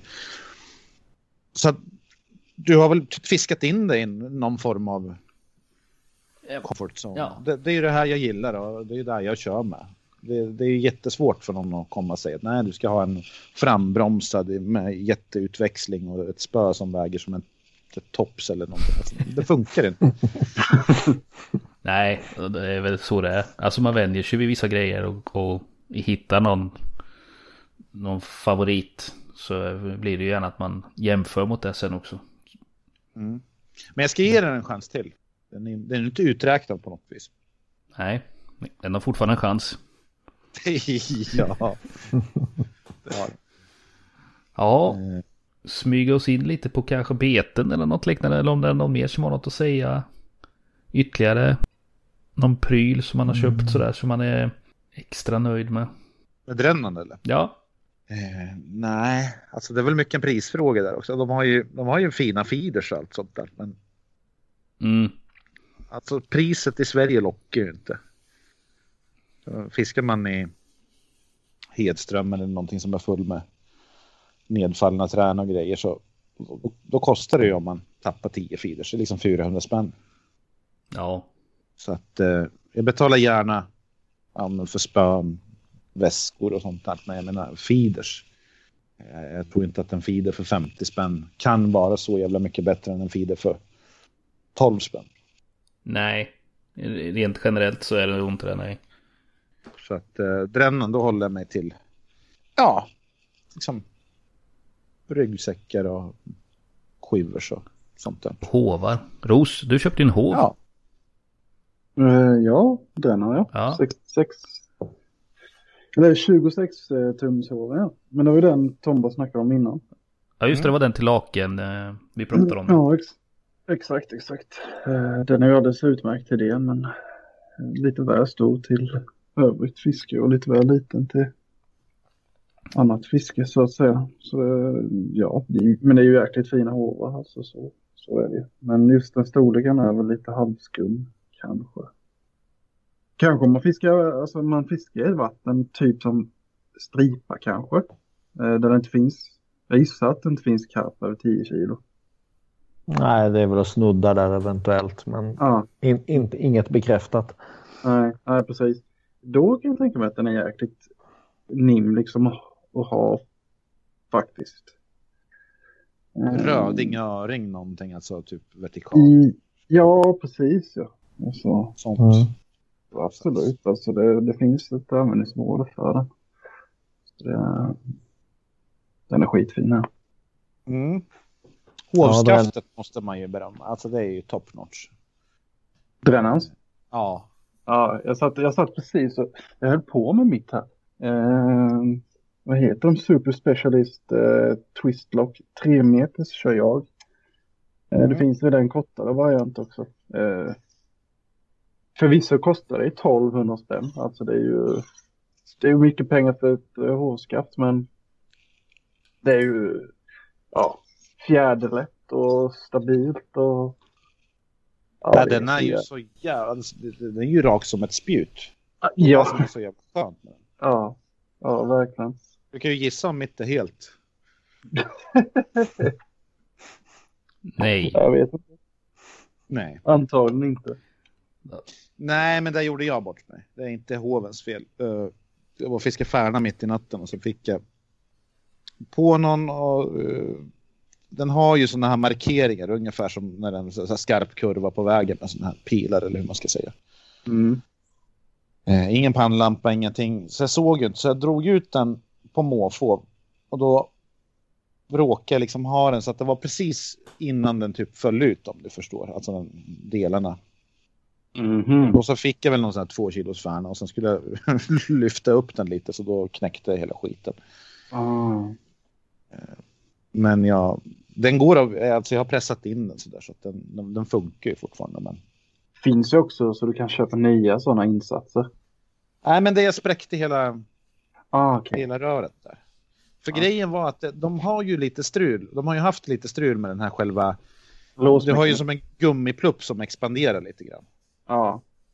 Eh, och min slutar funka lite grann. Och så, då påpekar jag det där till, eh, vad heter det, Darts då? Eller ja, Krille påpekade. De bara, ah, men det är inget problem, vi skickar ett nytt då. Men det här hände ju precis innan jag fick det där. Och så då kollade jag runt lite grann. Och, och det är nog så här lite så här, ja, det är ju ett fel som den här hoven har. Men där så sa de att spruta in lite VD40 eller någonting så, så funkar den. Och det gjorde det faktiskt. Så sprutar man in lite VD40 då funkar den i alla fall ett pass. Och sen när den där torkade ur och då var den så att den, du kunde liksom inte låsa den. Mm -hmm. Men blir det att det är något fel i den där så är det bara att höra av sig så skickar de ett nytt lås till det. Så det är ju det är inga konstigheter. Men jag ska köpa ett nytt. Alltså man kan ju inte leva utan en, en sån där skaft. Det, det existerar inte. Nej, inte som specimenfiskare tycker jag faktiskt inte. Nej, det är ju hovarnas, hovskaftens Rolls Royce. Så ja. är det bara. Ja. Fan, vi eh, hissar ja. Eh, drännan idag alltså. Jag klarar mig rätt bra utan ett sånt skaft faktiskt. Även om jag gillar drännan. Mm. Jag kör med mina Colmic. Det tycker jag är... De är säkert skitfina. Det är bara att man inte har testat dem. Eller jag har inte testat så mycket Colmic. Jag har något eh, sånt take apart från Colmic. För. Mm. Och det är ju nice. Det är ju så. Men det, vad kör du för något för hårskaft från Comet? Uh, oj, uh, det heter Extreme tror jag. Uh, jag ska kolla upp här. Det är ett 330. Det är, nederdelen är take apart. Den mm. tjockaste delen om man säger så. Sen så de två övre delarna är teleskop. Mm. Den är ju lite har... mer tunn, är den inte, än Drennans? Den är den är tunn men jag tror inte den, den eh, går nästan aldrig av. Alltså. Den går ju att böja som ett spö nästan. Så att, och jag har ju misshandlat den här hoven och fruktansvärt. Men den har, den har överlevt. Heter den X-Power kanske? X-Power heter den ja. 330. Ja. ja. Den ligger väl på 700-800 spänn någonstans sådär. En tusenlapp kostar den. Ja, det kanske den gör nu. Ja, ja. jag har ju haft min ett par, par år. Mm. Uh, men men fördelen med den är att du kan ju plocka isär den i tre delar. Mm. Så att du kan ju liksom använda den som 1,20, 1,10, 2,20 eller 3,30. Mm. Uh, jag tycker att den, den blir väldigt flexibel hoven. Mm. Just, jag använder den mycket på 1,10 till exempel när jag körde flytring och sådana grejer. Just det. Uh, och sen så har jag alltid, jag brukar oftast ha två delar, teleskopdelen om man säger så, så hovskaftet är 2,20. Sen brukar jag ha den andra i quivern då. Och det tycker jag blir, ja, det blir flexibelt. Du kan bara stoppa på den i en situation om du behöver ha en längre hål. Men det här är ju faktiskt, jag, jag har ju spånat lite på din, den är ju fin. Ja, den är, den är skitfin, men man tror att den ska gå av. Alltså, den, den känns nästan bräcklig när man håller i den så, för den är så jäkla lätt. Men, men äh, ja, det är duktigt mycket power i den. Var, var det den? Så jag, var det den som var med på Sportfiskemässan? Ja, det var det. Ja. ja, då stod vi och flexade med den ordentligt. Ja, ja, ja. Och jag har flexat betydligt mer och jag har smält den i stenar och träd och allt möjligt. Eh, ja, det är ju lite sånt som händer när man är lite ovarsam med sina grejer. Men den, är, ja, den håller fint fortfarande. Den låg ju som ett jävla plockepinn i min bil förra söndagen, eller lördagen. Far, farbror hade kollat lite för djupt i vin och tintoflaskan. Då. Bara smä, smält in den i bilen så att säga. Jag såg när jag öppnade den att jaha, här ligger en HV i tre delar såg jag. Men den höll ihop sen. jag tror inte ens att det var jag som... Det var bara att plocka ihop den, vart en sen. Ja. Nej, men den är, den är jävligt fin. Den är ju extremt, alltså sista delen är ju väldigt, väldigt tunn. Den är väl som ett, eh, fan ska man säga, lillfinger kanske? Ja, ungefär. Ja. Eh, och bottdelen är ganska ordentligt grov. Så att, eh, men det är, det är ganska mycket flex i den. Det är det ju. Så att eh, när han blir lång så skulle jag nog föredra en lite stummare hov egentligen om man har en tung hov. Eller ett stummare skaft om man har en riktigt tung hov. Mm. Det är väl nackdelen med det hovskaftet för den känns lite eh, flexig då när man kör ut den. Det funkar men, men, men eh, än så länge har den inte gått av i alla fall. Ja, men så här enhands, alltså om man är själv och ska hova en färna i långt avstånd i strömmande vatten då, då är nog Drännanhoven bättre. Men den här är ju mer en, vad ska man säga, lite, lite finess hov kanske. Ja, ja. Ja, det... men det är nog en smaksak. Jag har ju hittat det här skaftet. Eh, jag tycker att Drännanskaften känns sjukt fina när jag har känt på era. Eh, men det är bara det att jag har varit så nöjd med det här skaftet så jag har inte haft en anledning att byta. Eh, så det har liksom blivit så. Mm. Annars, annars tycker jag de ser frukt, känns fruktansvärt fina de där Drännanskaften. Mm. Ja, det var bra. Det var riktigt bra. Ja, Drännans hovar är ju fantastiskt fina också. Eh, jag har ju min gamla fjärilshov som du kallar den för. Det är någon sån här match 20-22 eh, tummar tror jag. Va? Den har ja. varit slitvarg i många år. Men, Men du gillar ju såna här trånga små hovar har jag märkt. Alltså du har ju ofta väldigt... Alltså... Nej, det är väl anpassade hovar efter fisken jag fiskar efter. Jo, jo, men om man nu jämför med en normal fiskare så kör du lite liksom tunnare och, och, och finare hovar och hovskaft. Och... Ja, jo, men eh, jag försöker anpassa det efter det jag är ute efter. Ja. Uh, och det, nej, sen vissa fiskar föredrar jag att ha en riktigt stor hov som jag fiskar i öst till exempel för det kan bli jävligt knöligt med en för liten hov. Men eh, andra fiskar som inte är särskilt taggiga eller så, då, kan, då går det bra med en precis lagom hov. Liksom. Mm. Sen är väl den brännande hoven lite liten till just Färna. Men, men det var ju att jag slarvade bort min andra hov längs med Svartån. Så det är ju någon som varit jätteglad över att de fick en Sproilans ny kolmikhov. Som de inte ville hänga upp på träd utan ta hem istället. Det är också en sån här grej att färgen på. Alltså man säger så här. Vad heter det där jävla tävlingsmetare? Mm. De är ju inte kända för att de har smak för färg. Alltså Nej. De har ju ofta grejer, så här knallorange och så här helt störda kombinationer av. Men mm. fördelen med det där är ju att du ser ju vart prylarna ligger. Jag vet inte hur många svarta banksticks jag lämnar kvar ute efter åarna. Alltså en bankstick ska ju inte vara kammo utan den ska ju vara knallorange. Att, Oj, där är min bankstick. Tycker jag. För att det, det är mycket prylar man slarvar bort sådär. Ja, jag instämmer. Jag gillar ju den här, vad heter den, eh, kly, eller en sån här stor klyka jag kör med till, till feeden. Men det är, du har samma kille, den orangea. Ja, guru. Mm. Guru är det ja. Den är knallorange och svart. Den, den, liksom, den missar man liksom inte. Nej, alltså Mavers Hova har ju ofta en ja. grön liten ja. slang eller någonting. Så den syns ju också väl. För att nu när vi åkte när vi var fiskade lake. Då smällde in allting i bilen och så. Så var vi på väg. Så bara fan hoven. Ja, vad fan den syns ju inte. Det är ju kolsvart med, med grönt. Det var ju bara rentur att jag kom ihåg att ta med mig drännanskaft och drännanhov. Det hade blivit dyrt annars. Mm. Så att, eh, ibland fattar jag inte den här kam och grejen Ibland är det bra med färg. Jo, men vad fan, man blir inte yngre heller. Det är nog svårt att jag menar, göra en knut, tycker jag. kan man ju ha allt i kam, alltså det, det, det blir ju ohållbart. Slava bort det själv.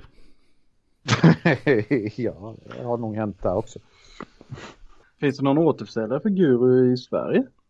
Eh, jag tror inte det längre. Nej. Mm, nej. Eh, nej, jag beställde min från England. Eh, det var väl eh, Meterbolaget som hade det innan eh, det lades ner. Mm. Ja, ja. Men annars så tror jag inte att det är någon i Sverige som har det faktiskt. Jag har inte sett det någonstans så. Alltså jag har en del guru-grejer men jag vet inte fan vart jag köpt dem. Mm. Jag tror att vissa har några, några prylar här och där. De har väl mycket just banksticks och eh, method feeders har de väl också. Är inte de som hade den här mold? Ja, just det. Den är fin. Ja. De hade, det var väl Meterbolaget som hade dem tror jag. Ja, det var det nog. Mm.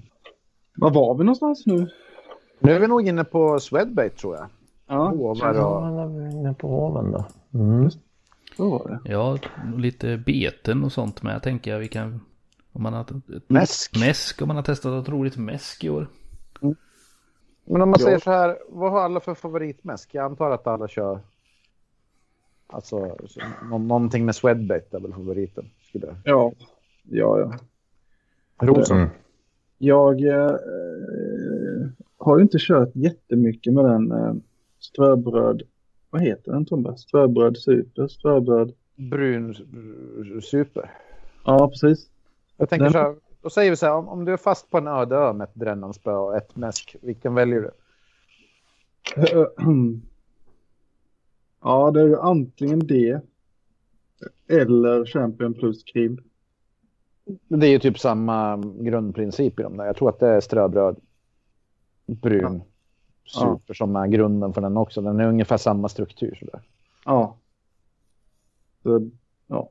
Jag väljer samma. Ja. Det är ju så jävla nice alltså. Jag har inte fiskat så mycket med det förut, men nu fick jag ju hem en 100 liters säck av det ju. det är bra att ha. Ja. ja. Ja. Det, ehm, så jag har, har en del kvar faktiskt. Ja, du hade den i vardagsrummet av alla ställen. Ja, den stod faktiskt i vardagsrummet. Gjorde den. Gött. Men det luktar gott gör det. Det luktar sjukt gott alltså. Ja, den gör ju det. Mm. Den är ju inte... Alltså jag köper ju 20 kilos säckar av det där. Och sen har jag ju köpt till olika tillsatser och mal lite pellets och vad jag nu vill ha. Vill jag ha lite mer djup. Alltså, alltså det ska binda lite så jag lite kex, vad fan heter det? Glasstrutmjöl och sånt där. Så att, mm. Kexmjöl. Så att jag har faktiskt labbat ja, till 90 procent med egna mäskblandningar i år. Men det är ju alltid grunden till alla mina mäskblandningar som jag gör så här. Det är ju ströbröd, brunt super. Då. Mm. Baronen då? Ja, jag har väl framförallt kört eh, amfetabrim. Tycker jag är ett jävla bra mäsk till stor fisk generellt. En ganska köttig grov blandning. Mycket krill och pellets och grejer och sånt där i. Um, binder bra. Uh, den tycker jag är supertrevlig. Um, sen har jag även kört med ett icke Swedbait-mäsk och det är Vanderliners. Uh, sweet, eh, Super Sweet Crush. Nej, Super Crush Sweet heter den.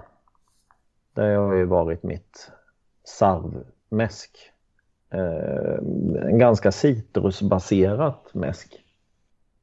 Den har varit totalt överlägsen när det gäller just på sarv där i alla fall. Annars kör jag amfetabrim eller, eller eventuellt krillko. Eh, som är en gammal klassiker. Jag gillar ju oftast ganska köttiga mäskor som, in, mäsk som inte är jättesöta förutom just den här supercrushen. Eh. Men om du får välja en av dem så tar du? Ja, om jag väljer en av dem då är det nog amfetabrimen tror jag. Krille. För jag vill, jag vill äta stor fisk på Nödö. Ja. Eh, ja. Svårt det blev. Men eh, jag har kört så pass mycket med, med krillkung som genom åren så att det, det, det får nog bli den alltså. Men så gillar jag ju Champion eh, plus krill också. Den eh, har jag använt en hel del de senaste åren. Eh, jag antar för struktur, strukturens skull va? Ja. Krillkungen är ju mycket, mycket grövre ju. Mer, vad är det, krossade pellets och majs för annat är ju som man kanske inte har riktigt i, i Champion Plus. Den är ju, ja, mer finmald. Men jag tror att de flesta som metar i Sverige kör ju, alltså i alla fall fidemeter då. Så kör man ju i åar och, och då är det ju oftast mellan en och en halv och tre meter djupt. Så det är ju inte jätteofta man metar. Alltså, björkna visst på 6-7 meter kanske, men jag tror att merparten av alla arter ligger väl på 1,5 till 3. Så att just den här grovheten, strukturen på krillkung och eh, Champion Plus och de här, alltså den passar ju perfekt. Den är ju exakt så att den, den når botten innan den exploderar. Alltså den är ju inte för degig eller för, för fin eller någonting. Utan Nej. Det är nog där som är mäskets stora fördel tror jag. Men sen har jag, jag har ju kört en del eh, medläggs, eh, medlägg baits, eh, ground bait och det, det, finns någon där som är, ja, den är väl för ruda tror jag. Den, den körde jag ju i, i Ursjön jag var i somras och den har ju någon lite så citrusaktig doft av sig också och, och spricker upp väldigt snabbt. Eh, också jäkligt trevligt mäsk. Eh, har ju en helt annan struktur om man jämför med Swedbait. Jag har, jag har väl med ganska, egentligen ganska mycket, vad ska man säga, så feeder, eh, eller feeder, ja, eh, krossade pellets och annat i sig också så. Men den, den har blivit väldigt, den, den är väldigt lätt liksom i, när man blandar den. Den blir inte så tung. Så det passar rätt bra i djursjön för där vill man ju inte kanske ha någonting som sjunker så, och lägger sig på botten så jävla mycket. Så det är också ett jäkla schysst mäsk. Och tala om ja. Eh, de här eh, pelletsen som du kan pressa mm. typ i, runt en uh, method feeder till exempel. De är ju helt magiska. Ja, det är ju både den uh, feeder pellets, eller soft pellets heter de nog. Mm. Eh, mm. Som är, ja de är riktigt schyssta. Fanns det, är det samma Eh, det fanns ju något sånt mäsk också, method feeder mäsk eller något sånt där ju som som var färdigt, du behövde inte blanda det ju. Nej, det. det var oljebaserat ja, precis. va? Eh, så du kunde bara försluta burken igen? Ja, behöver inte hålla på och blanda och krabba utan det är jävla smidigt. Det är bara att ta hinken och åka. Det är färdigt, det är klart liksom och det funkar. Jag har kört en del med det. Eh, jävla trevligt sätt och, och, och liksom Ja, du kör med de här eh, formarna som man kan ha till metafilsen. Och det funkar varenda gång liksom. Och det spricker inte upp i, när du kastar och det, det sitter kvar även att man liksom inte behöver blanda eller hålla på med någonting. Eh, jäkla schysst. Och likadant med softpellet som bygger på samma idé. De är, behöver inte heller hålla på att göra någonting med. Mm. Ja, just softpellesen där har jag varit lite nyfiken på så det ska jag testa nästa år tänkte jag. Ja, de är, um... M1 är ju klockrena, riktigt så här korvdoft på. Mm. Frankfurt eh, sausage. Ja, det är snarlikt en eh, rätt så, så här korvköttaktig variant av någon. Ja, men de är rätt lika. Ja. Det är bara det att deras Frankfurter sausage är lite mer rökt kan man säga. Annars är den ganska, man känner igen dem. Alltså de är lik, likaktiga mm. eller vad man ska säga. Nej, det, och det, de här eh, softpellets och allt de här färdiga mäsket och det. Finns ju någon sån här en kilos burk eller något man kan köpa som man kan slänga ner i väskan liksom. Så det är mm. jävligt smidigt. Jag satt här och kollade, jag sitter och kollar här nu på Mellex hemsida och kollar på de här eh, Feed Method Mix och eh, Soft Method Mix.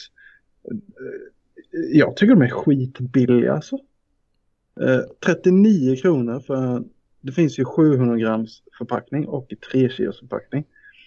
Köpa en av varje och ha en 700 gram med sig. Jag menar 700 gram, det tar ju rätt lång tid att göra av med det ändå. Eh, på en feeder. Ja, det varar ju bra länge alltså.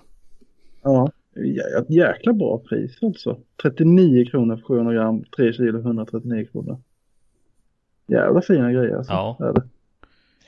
Men det är ju lite det här när man får tänkte på, alltså som Swedbaits mäsk då, när man har fått lite insikt hur det fungerar, hur den eh, mals. Jag har varit hos Lasse och, och, fått se lite grann när han håller på och packar och fixar och donar. Och, mm. ja. och sen har man ju slack, snackat lite med, vad heter det, Ernar eh, om Melleg eh, och fått testa lite prylar och köpa lite prylar och sånt där. För att man skulle behöva veta mer om, alltså ju mer du börjar veta om, om olika saker, eh, desto mer intressant blir det. Mm. Man, man, har tagit så många saker som mäsk till exempel. Alltså, det finns ju tusentals olika mäskfabrikörer. Och eh, kan ju hitta mäsk från typ 11 spänn kilot upp till 100 spänn kilot. Men mm. där tycker jag att det finns en stor skillnad på vad man får. Alltså, det är alltid värt att betala lite extra för mäsk tycker jag. För att de här tokbilliga mäskarna, alltså det, nej. Eh, jag tycker inte att de tillför så där jättemycket. Nej, alltså jag känner väl spontant så. Alltså, det är ju det är de väsentliga råvarorna i mäsket som gör att det kostar pengar och det går inte på hur billigt som helst. Nej, men precis. Och vissa mäsk som man har köpt och provat, man tänkte, fan det är så jävla billigt så jag ska prova. Så sen blandar man ihop det så luktar det som koskit nästan. Alltså det är ju, nej. Det, det, går liksom inte att få mäsk. Alltså kvalitet för sådana summor. Så det är, ju, det är ju vissa. Vissa mäsk som, som karpfiskebutiken har ju den här eh, number one till exempel. Den är ju lite dyrare. Den kostar väl typ 40 spänn kilot eller någonting sånt där. Det är ett jävligt fint mäsk för mört. Till exempel. Och sen har du ju Swedbait har ju håller väl också. Jag vet inte vad Swedbait kostar per kilo. De ligger ungefär 50 kronor kilot. Ja. Men det är ju rimligt de att det ska kosta det. Mm. I alla fall de här krillbaserade ligger på ungefär 50 kronor kilot. Uh, sen är väl en del lite billigare som inte har så mycket krill i sig. Nej, men sen är det med boilies att kommer du över boilies för 20 kronor kilot. Det måste ju helt enkelt vara samma sak som med, som med mäsk. någonting som, som du vill ha där i saknas. Eller hur? Mm. Ja, det, det blir ju... Alltså man, man fyller väl ut det lite med, med billiga råvaror och tillsätter väldigt lite av de dyra till ingredienserna. Man säger att det är, vi säger krill eftersom vi pratar om krill, att det är krill i men det är väldigt lite krill och sen är det mycket råvaror som du har till bageri och annat. Det är ju rätt vanligt förekommande i, i, i billiga eh, billiga boilies till exempel så kör man ju mycket sådana här bageri-ingredienser. Mycket kolhydratsbaserat liksom. Jo men absolut. Men en, eh, man säga, en vanlig eh, novis karpfiskare, jag behöver inte vara en novis heller. Alltså, de har väl inte en jävla aning om de vet så här, men jag, jag kör mainline för att det, det är typ, det, det, det är ju svinbra. Men de har ju inte en aning om vad det innehåller. Och, alltså kunskapen om vad en boilie innehåller är ju väldigt låg i Sverige. Ja, jag måste nog eh, eh, revidera priset lite där. Om jag köper en 20 kilo säck hos eh, Swedbait där, då ligger nog mäsket, alltså ett kvalitetsmäsk ligger på ungefär 30 spänn tror jag jag fick fram det till. Ja, under jo, 30 men då spänn är det kilot. Och det, ja, jo men en 20 kilo säck det gör man ju av med på en eftermiddag. Jo, vi gör ju det. Ja, vi gör det. Men, men eh, man kan ju få ner det i ganska, ganska duktigt bra pris ändå. Jo, det kan man, men boilies tycker jag är svårare. Man. För jag har ju mm. testat mm. massor, massor, massor med olika boilies. Dyra, billiga, allting däremellan. Mm. Eh, jag vet inte, alltså. Man får ju så få karpar. Alltså, skulle du meta mört, där du kanske kan få 50 mörtar på en dag. Så det är väldigt enkelt att se vad som funkar för dagen och vad som kanske inte funkar lika bra för dagen. Eftersom det, det händer ju någonting hela tiden. Men kör du karp en helg och får tre stycken. Det är, det är ju helt omöjligt att säga att bara för att du hade tre olika boilies och du fick två på en och en på en annan att, att den skulle vara dubbelt så bra. Mm. Så nej, jag, jag, jag, känner mig helt lost i, i boilies måste jag säga. Ja, det är svårare att se kontinuiteten i det om man inte fiskar väldigt mycket karp. Det. Ja. Eh, Mm. Spontant tänker jag. Alltså att du... Fiskar man bara karp till exempel under ett år så, så är det nog lättare att börja kunna se liksom att man, om man kör två olika boilies kanske eller något liknande. Eller tre olika, en på varje spö eller vad man nu ska tänka. Så kanske man kan börja urskilja någon form av mönster eller se någonting. Men fiskar man bara tre, fyra gånger på ett år då, då går det ju aldrig att se någon, någon effekt av det. För då skulle du lika gärna kunna få två karpar på två olika beten och det spelar ingen roll liksom. Nej, men så är det. Men mäskar du efter färna eller mört eller någonting så försöker du hålla lite så här high-end mäsk. Alltså typ Swedbait eller number one eller någonting sånt där. Man, skulle aldrig få för sig att nej, men jag tar den här 11 kronors mäsket då. Men när jag mäskar efter karp. så, ja, men vad fan, jag kan ju inte mäska med mainland. Det blir ju jävligt dyrt. Så då väljer man ju mm. de här. Alltså feeder boilies, fem kilos påse. Jag kör sticky rakt igenom. Ja. Men jag fiskar inte så mycket. Alltså jag har inte fiskat så mycket karp så att det, inte, det har inte blivit några vansinniga summor heller. Nej, det är väl det det Och då känner jag väl att jag vill, jag vill liksom maxa. Jag vill ändå maxa mina chanser att köra på en bulle som jag, eh, jag liksom tror på. Sen, sen är jag inte fastlåst vid stick just, men jag, jag, tycker att den känns bra. Det känns som en kvalitetsboilie. Eh, och jag, jag prioriterar nog det där. Och jag kommer inte köra några långa alltså mäskkampanjer så det går åt säckvis med boilies. Utan en fem kilo säck räcker för ett par gånger till mig. Jo, men som en Melling när vi testade, då, vi hade ju Cashials-racet då. Då smällde han ju upp ett bord där och, och visade lite grann. Mm. Och eh, han sa ju att den, var det, var det soja den inte innehöll eller vad det var? För att mm. de här mm. boilisarna är ju lite, alltså de är ju, de, tar du en direkt från påse så är den väldigt svår att få på utan att den spricker om man inte är lite extra, extra fin. Då. Så att mm. man är nästan tvungen att köra burkboilies, alltså bait boilies. Vilket mm. för mig inte är ett jätteproblem, så det, det kan man ju göra. Men man fick även en förklaring till att jo, men den, den är ju så för att den innehåller väldigt fina ingredienser, sa han. Mm. Den är mjuk, den faller fint eller ja, och sönder. Och, och då fick man hela konceptet att okej, okay, då vet jag ungefär vad jag har att jobba med. Ungefär mm. som med mäsket, att man går och kollar när man blandar ett mäsket. Vi gör så här för att den ska i, i fortsättningen få det här, den här effekten. Då. Mm. Det är ju där jag skulle vilja ha lite mer med, med Boilies, att de, de, är extremt duktiga på att visa filmer. att Kolla här, nu är Team Korda ute och kör. Vi kastar ut och sen kommer en skitstor karp. Och, men de berättar ju nästan ingenting om hur den är uppbyggd, hur, hur fort den så att säga, ja, vad heter det, faller sönder eller liksom, bryter ner. Bry, bryts ner, ja. Det är väl lite sånt man skulle vilja veta. Mm. Vi kanske får ha någon borgerlig podd med, med någon som kanske vet. SBM eller något sånt där. Ja, någon, som, någon som har kunskapen kring det, det hade varit spännande. Ja, för jag har definitivt inte kunskapen kring det där. Nej. Det finns inte en sportmössa att jag kan uttala mig om någonting alls. Nej, det behöver ju vara någon som, som har kunskapen och har, kanske har gjort boilies under en tid som vet vad, hur det är. Man kan ju lära... Nej, men där, där jag menar att det finns så jävla många experter som tycker att Mainline är bäst, men de kan ju aldrig säga varför den är bäst. Varför den är bättre än, säg, Dynamite Bates. De bara vet att den är bättre, men de vet inte varför. Nej, det är väl förtroendet. Jag har alltid kört med det. Jag har fått fisk på det, då fortsätter jag för då blir det bäst. Jo, jo, självklart, men det är ju en klen tröst för en som vill veta varför. Ja, det hjälper ju inte dig någonting.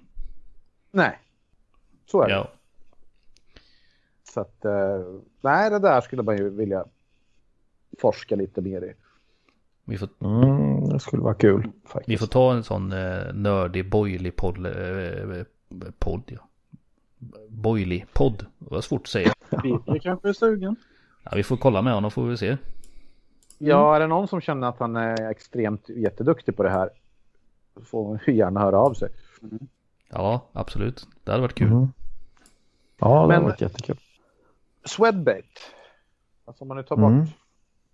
Eh, mäsk och det där så. Men många kanske inte vet det är att Swedbait har ju jävligt mycket annat som är riktigt häftigt. Feeders, krok, spön, rullar, hovar, kläder. Ja, allting i stort sett för specimenfiske. Mm. Eh, jag har ju kört eh, deras spön, Colmix Next Adventure.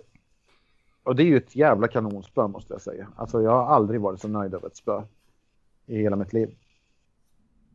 Superduper grejer.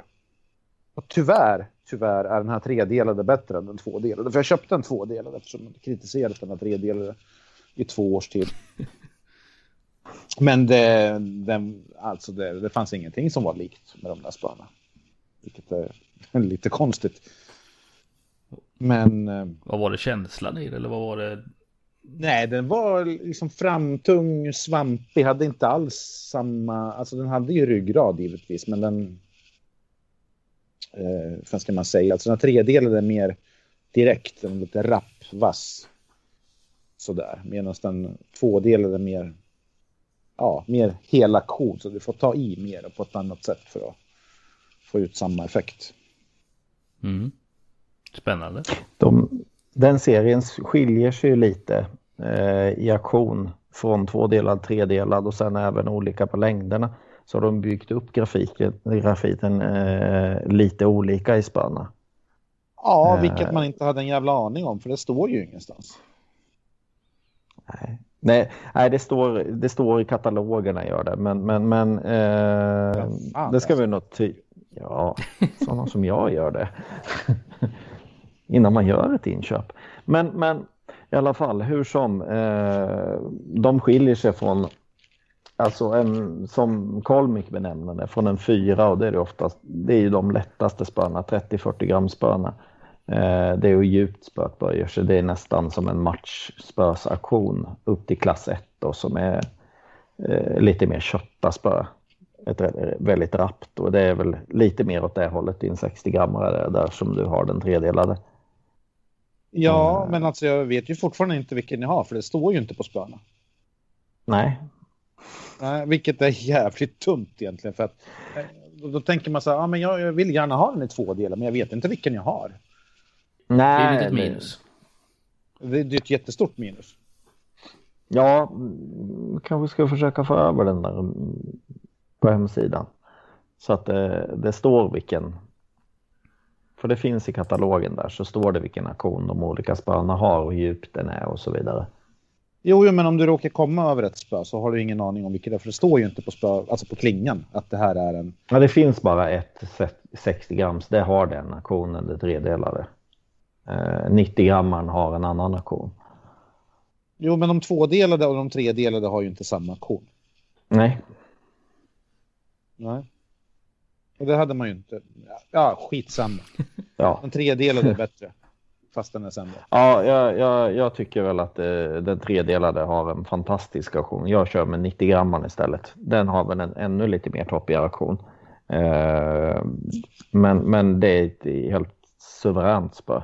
Jag har fullkomligt misshandlat det där spöet i ja, över två års tid. Och det, det är bara att tuffa vidare. En och annan topp går ju då. Som sagt, men de är ju billiga. Det har vi ju redan konstaterat. Ja, men jag har lagt långt över hundra pass på det där spöet och det har inte hänt mm. skit med dem. Förutom topparna och sånt. Mm. Men det är ju inte spöets fel. Nej, och sen så har du en jävligt schysst eh, handtag med. Det är filat platt på ovansidan, lägger sig jättebra mot underarmen. Och... Jag tänkte precis säga det, för den är ju sjukt smidig om, om du hamnar i typ en brant eh, nedförslutning eller någonting, att, att, du vill ha spöt mot en sten eller någonting, för då rullar den inte. Han, han lägger sig väldigt, väldigt fint. Mm. Så det är faktiskt, ja. det borde ju alla spön ha. Ja, jag, jag, efter det där, alltså det handtaget på det spöet så är det svårt att vänja sig vid helt runda spön nästan. Ja. Jag kör ju även med de två delade 45 grammarna till mört och sarv. Eh, de är otroligt sköna. De har ännu djupare aktion. Eh, mm, Sacco köpte ju dem och han är ju toknöjd. Han ja, alltså det är perfekt spö till mindre fisk. Det, det liksom äter upp.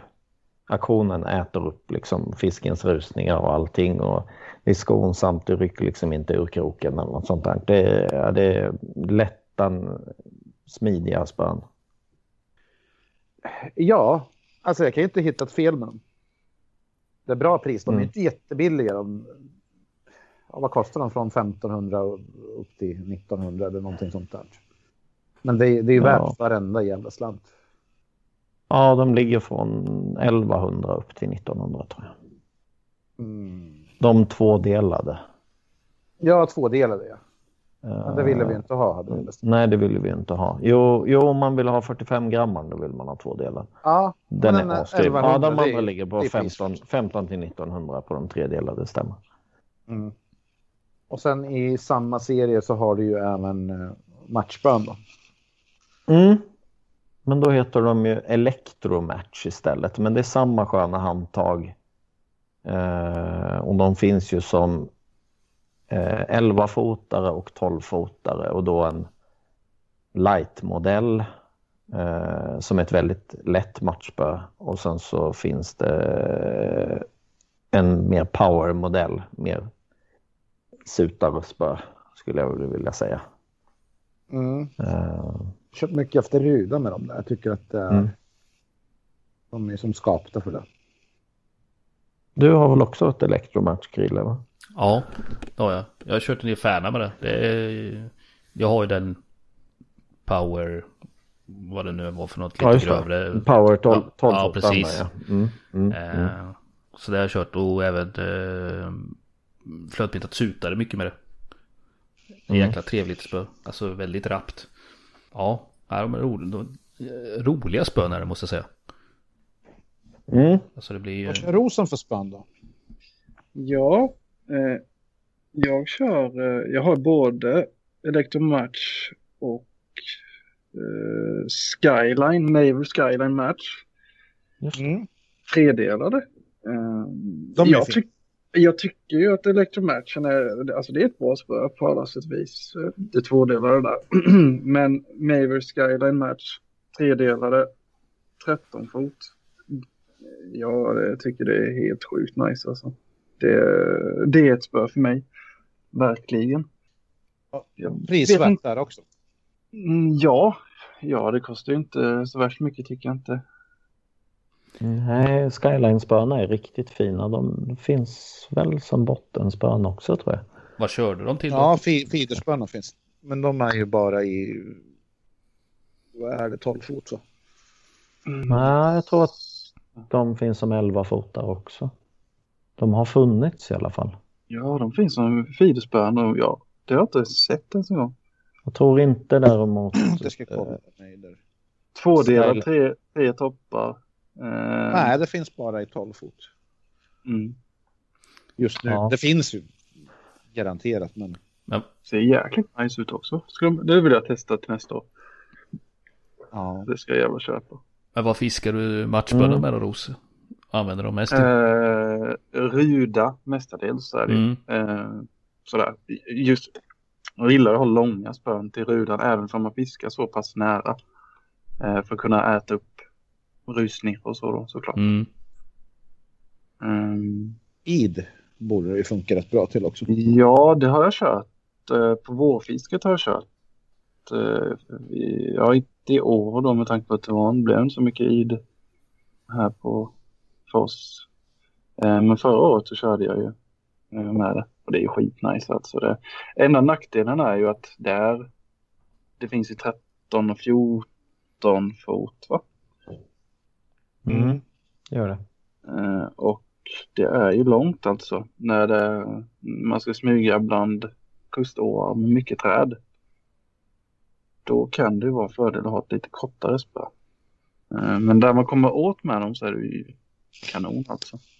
Ja, Ron, Ronny köpte ju sådana där och han var ju också jävligt nöjd vad jag har förstått. Ja, ja, de är skitfina alltså. Det bästa matchspöet jag har testat i alla fall.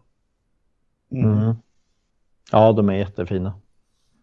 Eh, jag ska nog gå på något eh, Meiverspö, eh, bottenmetspö till nästa säsong. Får se vad det blir för något. Du tänker lite större dimensioner eller? Ja, jag ska nog ha, jag ska nog ha ett Meiver. Nej, en Meiver, de har ju kommit med en ny här.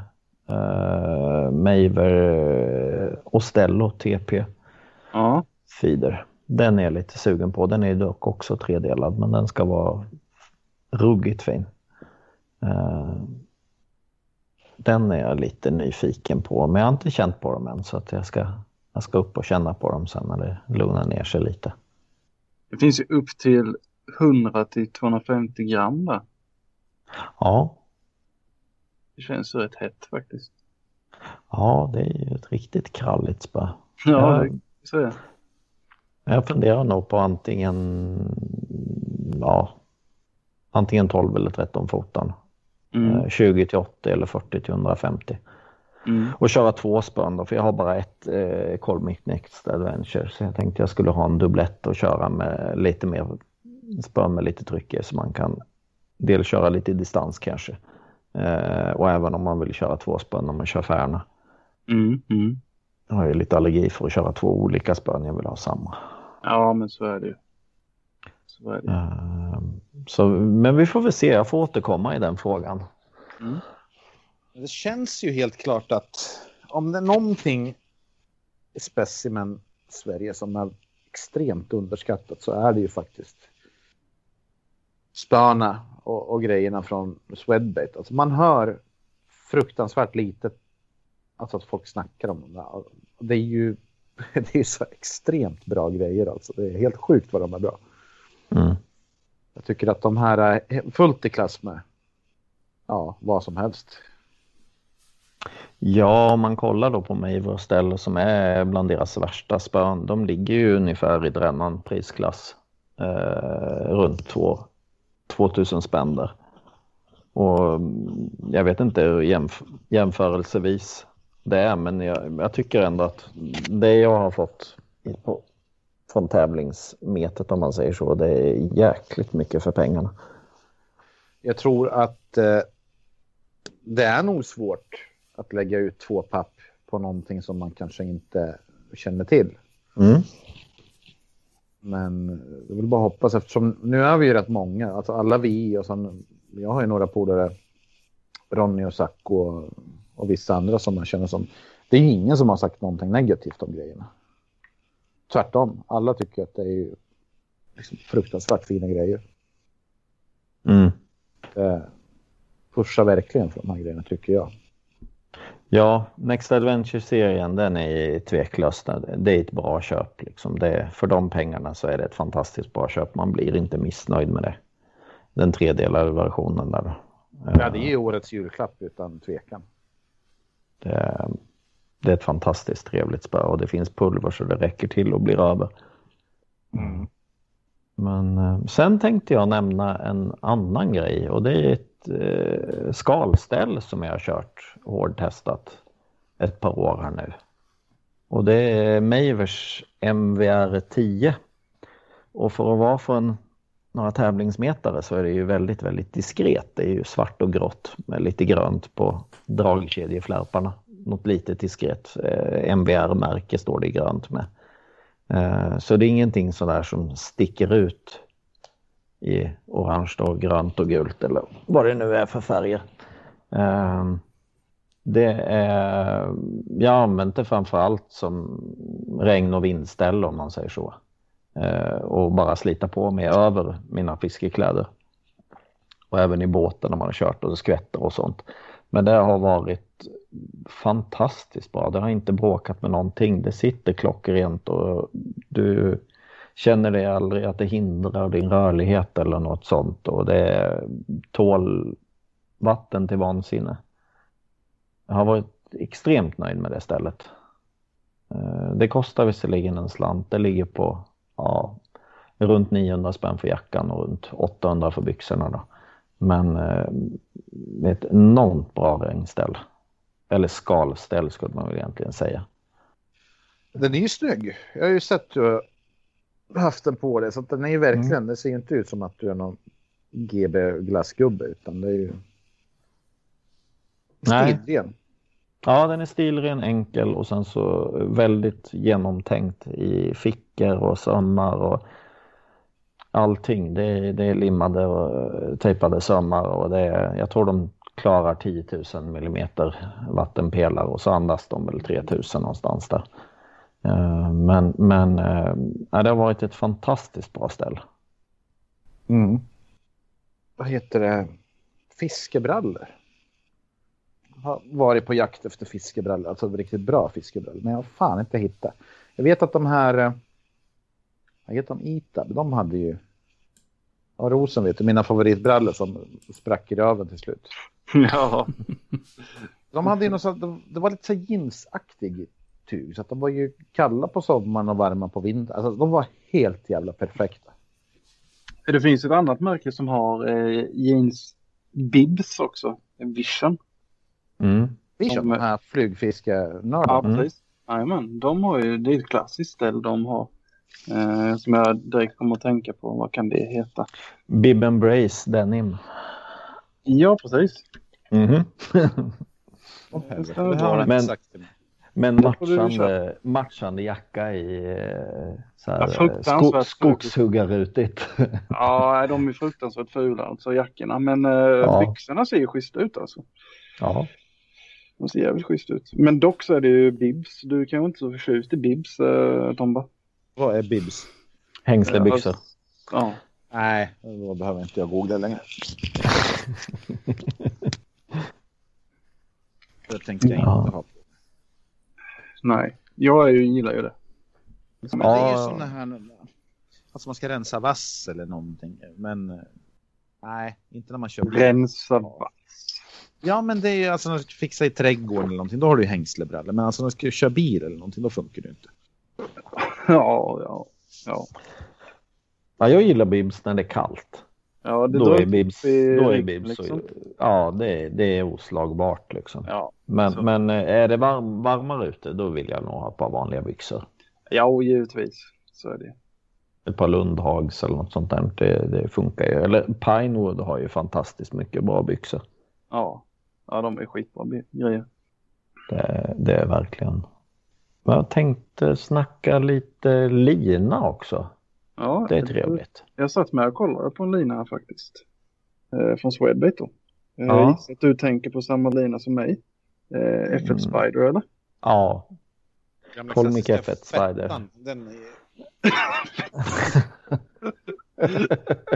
den är ju grym.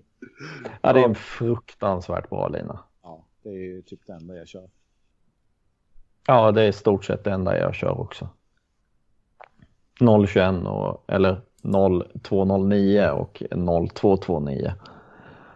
229 har jag kört mycket. Ja, 229 har jag kört mest.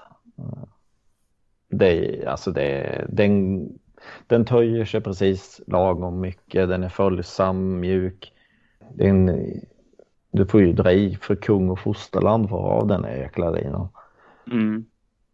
Uh, jag och Tomba satt ju och snackade om att vi skulle beställa hem en pall med sådana spolar. ja, alltså den är helt outstanding. Efter jag testade den så känner jag liksom att jag inte haft något jättebehov att testa någon annan lina direkt. Mm. Jag gör det ibland så, men jag faller alltid tillbaka till den. Mm. Den är ju så fin för att jag körde någon, vad fan hette de där? Någon sån här som jag har det på tungan här. En av så här känt engelskt märke. Kommer Var det Prologic? Nej, för fan. Vad är det andra? Meterbolaget hade ju den bland annat. Kom i sina plåtburkar. Ja, ja. Eh, Garner? Garner, så är det. Mm. Mm. Tack. Eh, för det första så var det ju aldrig 100 meter på spolarna. Tyckte det var typ så 50 meter. Alltså det stämde ju skit till. Men den var ju så jävla skum för att den, den gick ju inte av linjäveln. Alltså fick du bottennapp eller någonting. Den var så, så gummerad eller någonting. Men den var ju inte alls skön att fiska med. Alltså du, när du knöt på en, en krok så... Det var ju typ att, som att du hade den på någon ståltråd eller någonting. Men fettan har ju... Den är ju så följsam men ändå stark och... Mm. Otroligt bra för feederfisk. Alltså det finns ingenting som är dåligt med den där linan tycker jag. Nej, jag håller med. Nej. Jag vet att Krille gillar ju den här Feeder Pro bättre. Ja, jag har kört mycket med den. Den tycker jag är... Får du förklara det. Eh, jag tror mycket av det låg i att eh, när jag körde, testade F1-linan så eh, tyckte jag dimensionen var för grov. Det känns som att den är lite grövre än vad det står att det ska vara. Får du väl bara en tunna då? Ja, det skulle man kunna köra. Men så, så, så brände jag ju på den här Feeder Pro-linan istället. Eh, och den tyckte jag var... Ja, jag, jag tyckte den var mer följsam än vad den andra var. Den är ju betydligt stummare. Uh, Feeder Pro också. Mm. Det är ju bara 16 stretch tror jag är den och F1 har 21. Ja. Någonstans. Nej för den eh, Feeder Pro har jag ju kört i två år tror jag. Sen nu har jag testat en annan lina. Eh, vad heter den? Eh, en Drennan-lina. Superspecialist eller något liknande. Nej, jag kommer inte ihåg. Det är någon sån här camo-variant av något slag. Eh, men den har också varit jäkligt bra. Mm. Ja, det finns ju fantastiskt mycket bra nylonlinor. Eh, det här är ju bara men lite grann. Eh, någon som är eh, jäkligt schysst att köra till flötsmetet är ju den Cassini, Incredible Force. Mm. Den är fin. Den, den är mjuk och ja, härlig. Den är... Ja, fruktansvärt ja, stark. Alltså den är ju helt sjukt stark. 014 till sutar är ju inga problem liksom.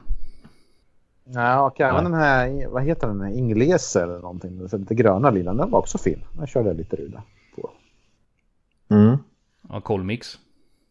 Mm, ja, den är nog Colmix va? Ja, ja, ja jag tror det. Jag för på att det är Colmix som har den. Jo, det är det.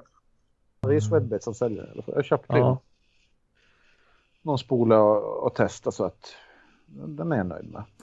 Men jag menar, kör du ruda så då testar du bara de tre första metrarna. Då blir ju sällan mer än så. så att... Nej. det, är, det är svårt att säga så här kastegenskaper och sånt. Det är mer så här droppegenskaper. Ja, då är det... Mm. Men äh, ja, jag gillar den Incredible Force till, till flötmetet. Ja, I alla fall med, mm. när man kör hyfsat nära land med både sutare och ruda och mm. så vidare. Jag har kört den också eh, ganska mycket till just sarven och även när jag kör toppknutet och lite sånt där till sarv. Eh, just för att den är så jävla stark. När den är så pass tunn liksom. Ja. Men jag har även kört F1 också och jag tycker den är... Nej, jag, F1 är nog min favorit men Incredible Force, man kan inte säga mycket dåligt om den. Det är en fantastiskt bra lina. Absolut. De har ju även en grönre, den här rastalinan som Tomba kallar den för. Eller Pride-linan kallar den för. Ja, den här med regnbågens alla färger. Ja, den Magic mm. Force. Ja, just det. Ja, den är upp dem här till lite trolling och sånt. Den är, det är också en väldigt trevlig lina. Eh, som jag kört i Göstrollingen bland annat. Så de, äh, de, de gör väldigt bra linor. Sen en annan lina som jag har testat just till karpen är ju Vanderliners eh, Robin, Robinson Pro Carp. Eh, den ligger en eh, fluorkarbon coatad nylonlina. Den har varit fantastiskt bra. Jag är helnöjd med den också. Ehm, den ligger på 300 meters spole och det var precis lagom till mina 5500 rullar. Ehm, en brun, ja, den är inte jättemycket stretch, lite lagom så. Ehm, väldigt, väldigt mjuk och följsam. Extremt stark. Det är också en superlina just till karpfisket där i alla fall. Som en Väldigt nötningstålig också. Det var ju flera stenar som jag låg reva runt. Alltså den vart ju uppriven linan såklart. Men, men det var ju ingen, den gick ju aldrig av. Det var den du körde i stripa eller? Mm. Ja, där var det ju. Där var det stenigt kan man säga. För fan ja, något, såg. Ja, ja det, det, fick riva av några meter där lite då och då. Men, men uh, den var, nej, den, den kan jag verkligen gå i god för också. Ligger på ett ganska bra pris med 95 spänn för 300 meter. Det är inte farligt. Nej, det är helt okej. 0,37 eh, precis lagom så. Mm. Sen, eh, alltså krok. Det är nästan onödigt att prata om för att det är ingen som kommer att byta krok i alla fall. Det fattar man ju. Nej, så är det. Ja. Faktiskt. Jag kör eh, Kamasan. Jag har kört Drennans men nej, de funkar väl men det är ju inte Kamasan. Men däremot feeders, eh, Nisa feederserna är väl de här Nej, Kolmik. Kolmik. Nej, Kolmik är det för fan. De tänkte jag också prata om. Ja. Men tar du Tompa? Ja, alltså. fan ska man säga? Alltså. Blyfritt. Nästan gratis finns ingenting dåligt att säga om. Sjukt bra feeders. Håller botten så jävla bra gör de. Ja, det gör de verkligen. Och, och, jag menar, du kan köpa hem de små feedersarna gillar jag. I typ 30 grammarna när vi kör upp i Dalälven till exempel. Ja, de kör jag. Att, ja, tycker du de börjar släppa lite från botten så bara trycker du ihop dem lite. Mm. Så de inte rullar. Så mm. håller de botten så jävla bra. Alltså det jag är också så jäkla nöjd med dem. Det var ju faktiskt du som tipsade mig om dem, eh, Tomba. Ja, det är, det är helt otroligt. Ja. Är... Jag har faktiskt inte testat några andra som är i närheten lika bra. För. Nej, och till det där priset. Nej, precis.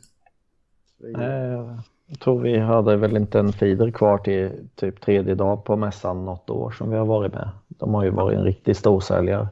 Ja, det är så pass ja. Ja, ja de är... Men det, det, det är till det priset och det, till den kvaliteten och sen så just att de är blyfria dessutom. Mm. Eh, Nej, det är, det är outstanding. Ja. Ja, du, Nej, det är bara idioti att välja något. Du får ju, det finns... vad är det, fem stycken för en hundring. Mm. Och som sagt blir fria då. Det... Mm. Nej, jag håller med. De är riktigt, riktigt bra. Just det här att eh, efter mört eller lite tunnare, lättare, just de här smal. De, är, de, de är ju så perfekta. De är ju, de är väldigt små, håller botten, eh, lättkastare. Alltså det finns ingenting som, som man stör sig på. Det... Kör du oftast eh, den lilla varianten? Eller? Jag kör nästan alltid den lilla varianten. Jag har några medium, men då får ja, man nästan gå dubbelt i vikt för att de ska hålla botten. Ja, för du har ju både small, medium, large. Mm. Jag har faktiskt inte, jag har inte testat large-modellerna faktiskt. Jag har sett dem någon gång tror jag, men jag skulle aldrig använda dem för jag kör aldrig. Nej, så mycket så mycket mäsk gillar inte jag att skicka ut liksom i varje kast heller. Nej, det blir lite så här grovfisk över det hela. Ja. Det skulle väl vara om det är väldigt varmt eller något sånt där i vattnet så det går åt lite mäsk. Möjligtvis. Ja, eller om man... så jävla grova grejer bara för att flytta på skiten och ska sätta mothugg då. Ja. Den, den, den blir inte lättfiskad. Om du vill ha lite lättare spann och så. Nej, nej, nej, absolut inte. Då får man ju ha ett grövre spö. Uh, sen finns det ju de här, den finns ju i tre olika modeller tror jag. Det finns vanlig cage feeder, den ni pratar om nu. Sen finns det ju bullet. Och sen så uh, distance, då sitter väl vikten i änden på både uh, bullet och distance sitter vikten i änden på feeden. Ah, just det, du har den distance där ja. Den har jag aldrig testat. Jag tror att, jag tror att de är blyfria alla tre. Ja, det står det på sidan i alla fall. Ja, ja men då är de det. Nej, det är ju supergrejer alltså. Fan. Har du kört mycket med distance? Uh, distance? Nej, nej jag, jag har inte gjort det så mycket. Jag, det ser ju lite trevligt ut ju. Ja. Alltså när man ska man banka iväg en bit så känns det ju rimligt som att det vore ju ganska lämpligt. Ja. Mm. Ja, jag, jag fiskar, jag har bara kört vanliga cage feeders egentligen kan man säga.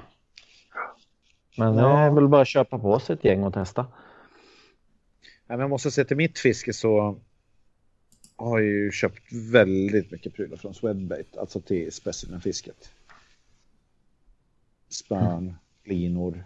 Rullarna säger de att de, de är bra, men jag har ju rullar så att det är Nej, ja, där, där har jag kört med, jag och ett gäng till, eh, testat eh, Kolmik eh, Kiger. Det är ju lite sådär känsligt när man ska ge sig på ett lite för eh, okänt märke för en annan så.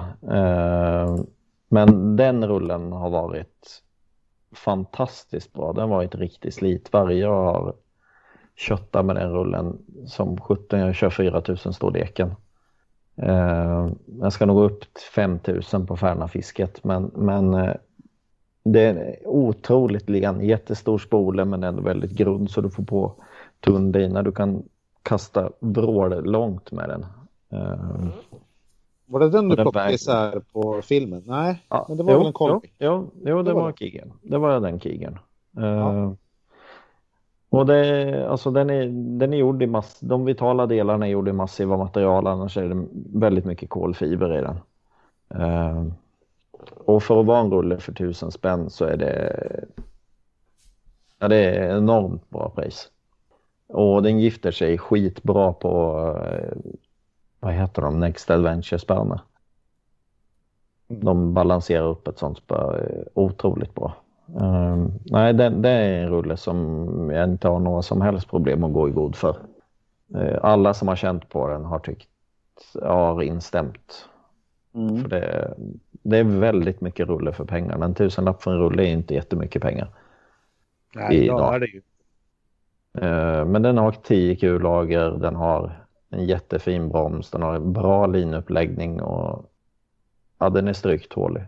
Och lätt framför allt. Hur upplever du storleken? Eh, på tal om storlek. Alltså, jag jämförde en Penn 6000 med en Shimano 10 000. Och mm. pennen var ju alltså bra mycket bulkare i 6000 storleken än eh, alltså, de är, Ja, de är gigantiska pennor.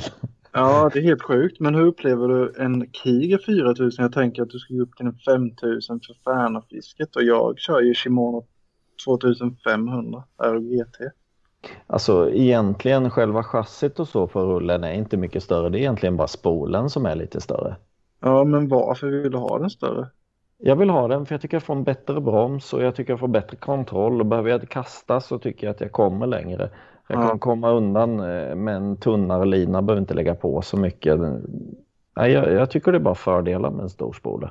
Mm. Mm. Uh, den tar in ganska mycket lina. Nu gör ju Shimano det med.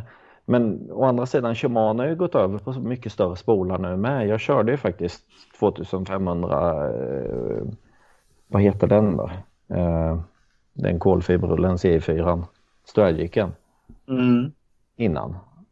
Och den har ju en väldigt stor spole för att vara en 2500 rulle. Om man då jämför med de äldre rullarna så har den ju en väldigt stor spole. Så, så även de har ju gått över på lite mer Big Pit modell. Just det. Och en del del av sina rullar. Så att eh, nej, jag upplever inte det. Det var en liten invändningsfas i början. Men sen upplever man fördelen att man får in mycket lina när man vevar in. Mm. Jag tror de tar in 85 och 95 centimeter per vevtag. Uh, och egentligen det är ju bara en transportsträcka när du vill ha in grejerna igen. Och det vill du ju ha in så fort som möjligt. Ja, så är det klart. Fan, så, jag, ja, det rullar är kul. Enkelvev. Mm, det också. Hälften så stor chans att träffa veven. Ja, ja, men jag håller med dig faktiskt lite Tomba. Jag gillar ju dubbel på Ja, alltså jag älskar Shimano RG. Alltså, ja. Eller Super AR. Alltså, jag, jag, kommer aldrig, så länge de finns så kommer jag inte byta bort dem. baronen kan komma med vad som helst. Det är säkert jättebra att rulla Colmic Kiger. Alltså jag säger ju inte det. Mm. Om man är lagd upp där. Men det är ju inte det. Nej, nej, du, det är ju, du är ju fast där. Även jag har ju varit där innan och det, jag kan inte säga något annat än att det är en jättefin rulle. Det är bara synd att de gjorde om dem. De skulle ha hållit fast vid den original Super och GT. Ja, jag köpte fem stycken så jag, jag, borde väl klara. Sen kan ju du serva mina rullar. Ja, det ska jag göra. Lite mer livslängd på dem. Men Tommy, ja? du kan ju säkert köpa en dubbelvev till en Carl eh, Mikiger också. Det finns ju säkert att modda. Ja, men jag gillar inte frambromset. Ja, Nej. Och det, det, jag är ganska förtjust i det egentligen. jag gillar. Då får man ju hålla på och tänka. Alltså, vilket håll ska jag vrida på det här nu? Du, använder, du använder inte slirbromsen i alla fall. Nej, det gör jag inte. Men fightingbromsen använder jag. Någon gång då och då så använder jag faktiskt fightingbromsen till eh, boltfiske. Mm. Mm. Man är någonstans och fiskar så bara, nej, jag ska nog köra lite bolt så har man ingen Batrunner med sig så då kan man ju använda fightingbromsen. Har man en skapligt löst och sen fightingbromsen på noll. Och sen hör man när det börjar dra iväg och så kör man fightingbromsen till max då får man ungefär den man vill mm. ha. Mm. Det kan du inte göra med sådana ja, som har liksom allting upp och ner och bak och fram. ja, ja, just ja. Ja. Nej, nej, jag tycker frambromsad är ju... Men det är ju jag. Jag, jag. jag personligen tycker att det är överlägset. I alla fall när det gäller broms. Alltså du får väl en jämnare broms? Mycket, mycket jämnare broms. Liksom, mycket, mycket större. Det är ju nästan dubbelt så stora skivor tror jag i en frambromsad som det är i en bakbromsad ja. rulle. Ja. Uh... Fast, vi snackar ju om det där idag. Alltså hur ofta använder man slivbroms? Allvarligt. Det är ju en gång per tio år eller någonting. Ja, Nej. det undrar jag, Tomba. Nej, det används ganska ofta faktiskt. Nej, inte jag. Alltså, det är inte så att jag kör någon sån här, jag ska inte säga fula ord här, men alltså, ja. Det är inte så att jag kör hårt som satan, men alltså, nej. Alltså inom meter, det, det har ju, alltså visst någon färna kanske kan göra en kort rusning på några meter då och då, men det är fan inte ofta. Alltså bromsen är väl det minsta av mina besvär om man säger så. Mm. Du går på, du går på ja, kraft. Nej, men alltså det är inga stora starka fiskar helt enkelt. Nej, de är ju vrålstarka om du fiskar i, strid, i stridström.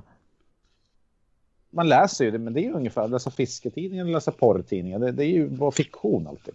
Ja, det var 100 meters ljusning och det tog en timme och bla bla bla. Men det kommer ja, alltid hända. Det är ungefär som den här granntjejen som kommer in och ska låna lite socker och sen helt plötsligt så, ja du vet. Saker som, det händer inte i riktiga livet.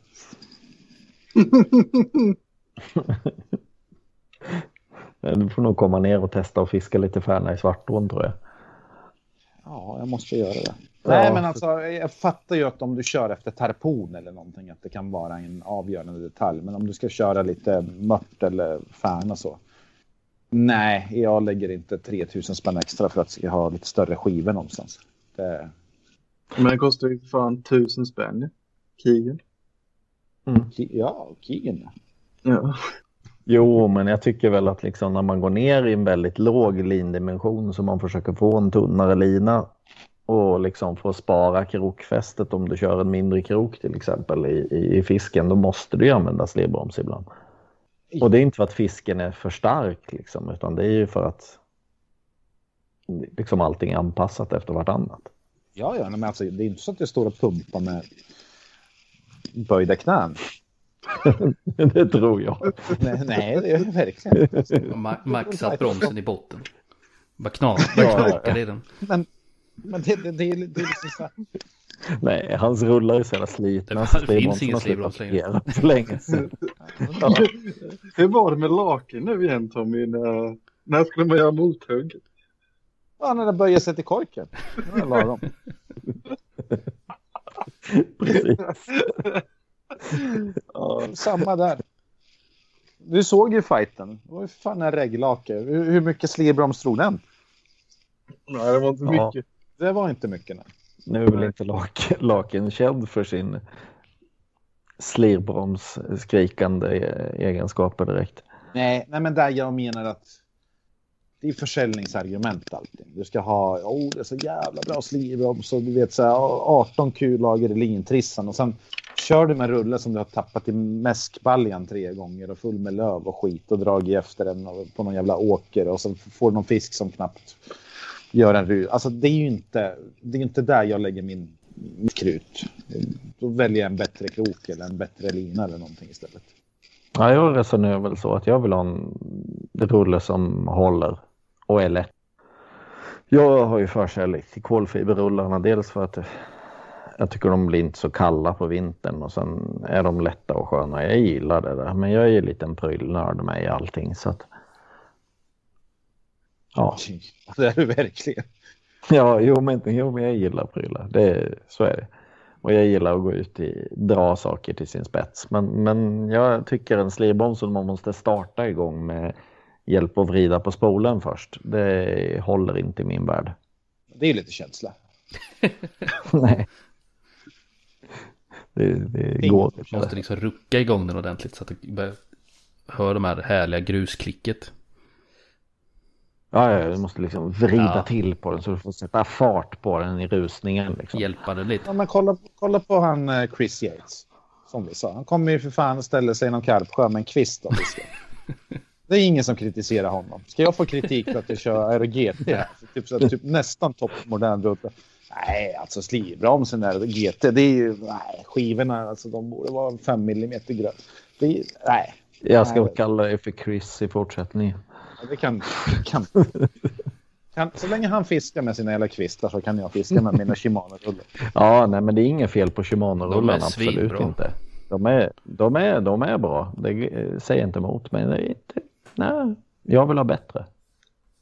Ja, jo, men har, man, har man ett överflöd av pengar så kan man ju liksom köpa på sig grejer. Men det, det, blir ju för de flesta att du har ju bara ett x antal 10 000 per år du kan lägga i, i fiskeprylar. Och alltså det räcker inte så långt.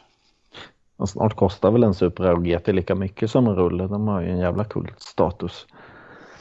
Jo, jo, jo, men, men om man tänker så här soppa, mat, bilvis, mäsk, allting. Och så, om mm. du kör typ 100 pass om året så det, det är ju en, det, det är en kostnad. Absolut. Istället så är det ju.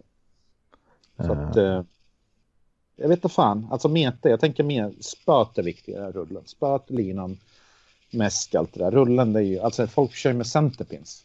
Har ju för Ja. fan inte. Ja, eh, absolut. Spöet är definitivt viktigare. Eh, Och det är ju inte en rulle du måste köpa. Ska jag byta rulle, då måste du ju köpa sex rullar. Man kan ju inte ha olika rullar på olika spön. Det förstår ju vem som helst. Men så måste de ju vara snygga så de matchar spöet också. Ja, men det är när du kör karp. Det ska vara identiska. Tre identiska. Och sen ska Mm. vevarna vara åt samma håll och allt det där. Nej, nej. Annars så ser det ingen bra ut. Est- Ja, men- Estetiskt. Ja, men det ska, det ska vara snyggt på spöet. Jag kan inte köra med en helt felfärgad rulle på spöet. Det går Nej, jag inte. menar ju det. Funkar inte. Det är helt fel. Ja, är det något annat vi måste? Har vi tagit lina, spö, rulle, mäsk, boilies, väskor, quivers, tält, sängar. Hovar. Nej, jag tror vi har betat av det mesta va? Ja, det enda som jag Mm. skulle kunna komma på sen på rak arm, det är väl eh, någonting som karpfiskebutiken är rätt duktiga på. Det är matlagningsgrejer. Mm.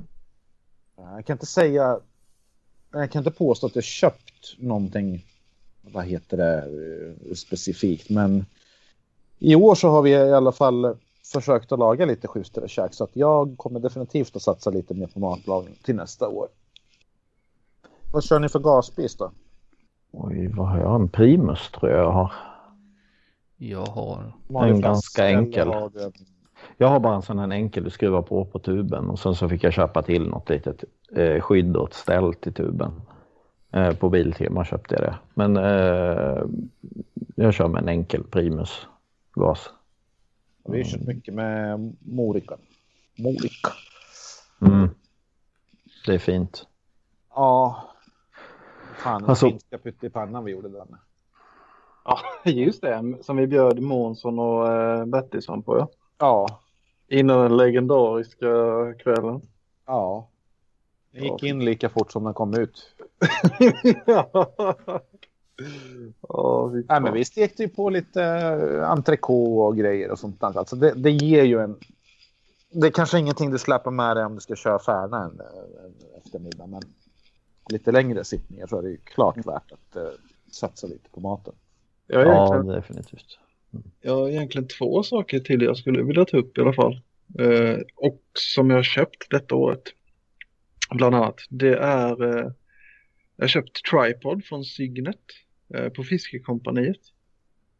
Var det du som snackade Ja. att har sån Centi? Ja, jag just tänkte just undra vilken det var du hade. Eh, det är från Signet eller? Mhm. Och med eh, Fiskekompaniet då. Mm. Jävligt fina grejer är det. Visst, de kostar sin lilla krona så, men uh, Signet har ju jäkligt fina grejer och passar ju så jäkla bra ihop allting. Mm. Vad är en tripod? Eh, Precis som det låter. En tre- fast med tre- tre ben. Ja, Det är ju så du kan sätta spöet på stenhäll till exempel om du... Inte istället för en bankstick. Ja, eller istället för en rodpod Ja. liksom. Det är sm- smidigt som fan. Så den, är- den är jag mäkta nöjd En sån har jag också. Den är jäkligt schysst. Framförallt om man kör typ lite flötmet och sådär på platåer som i Ursjön till exempel. Om man vill, om man vill Exakt, lägga ner exakt. spöet så har man den i, i den också. Det är, Ja, Är det den, är det den, var det den specialist Eh, vi ska se här. tripod 300 spänn någonstans? ja, det låter rimligt. kan- så. Ja, precis. Jajamän. Eh, Det är smidigt att ha typ till kamera och sådär med. Ja, du, du har liksom bo, både och med dig i ett. Ja, exakt, exakt. Ja, och när det är fruset i backen är det ju träligt när man Mm. har. Eller eh, ja, som när vi körde laken där till exempel. Det är sten precis överallt. Under, eh, så du liksom inte får ner en bagstick ordentligt. Ja, Men så är är den, eh, smidigt.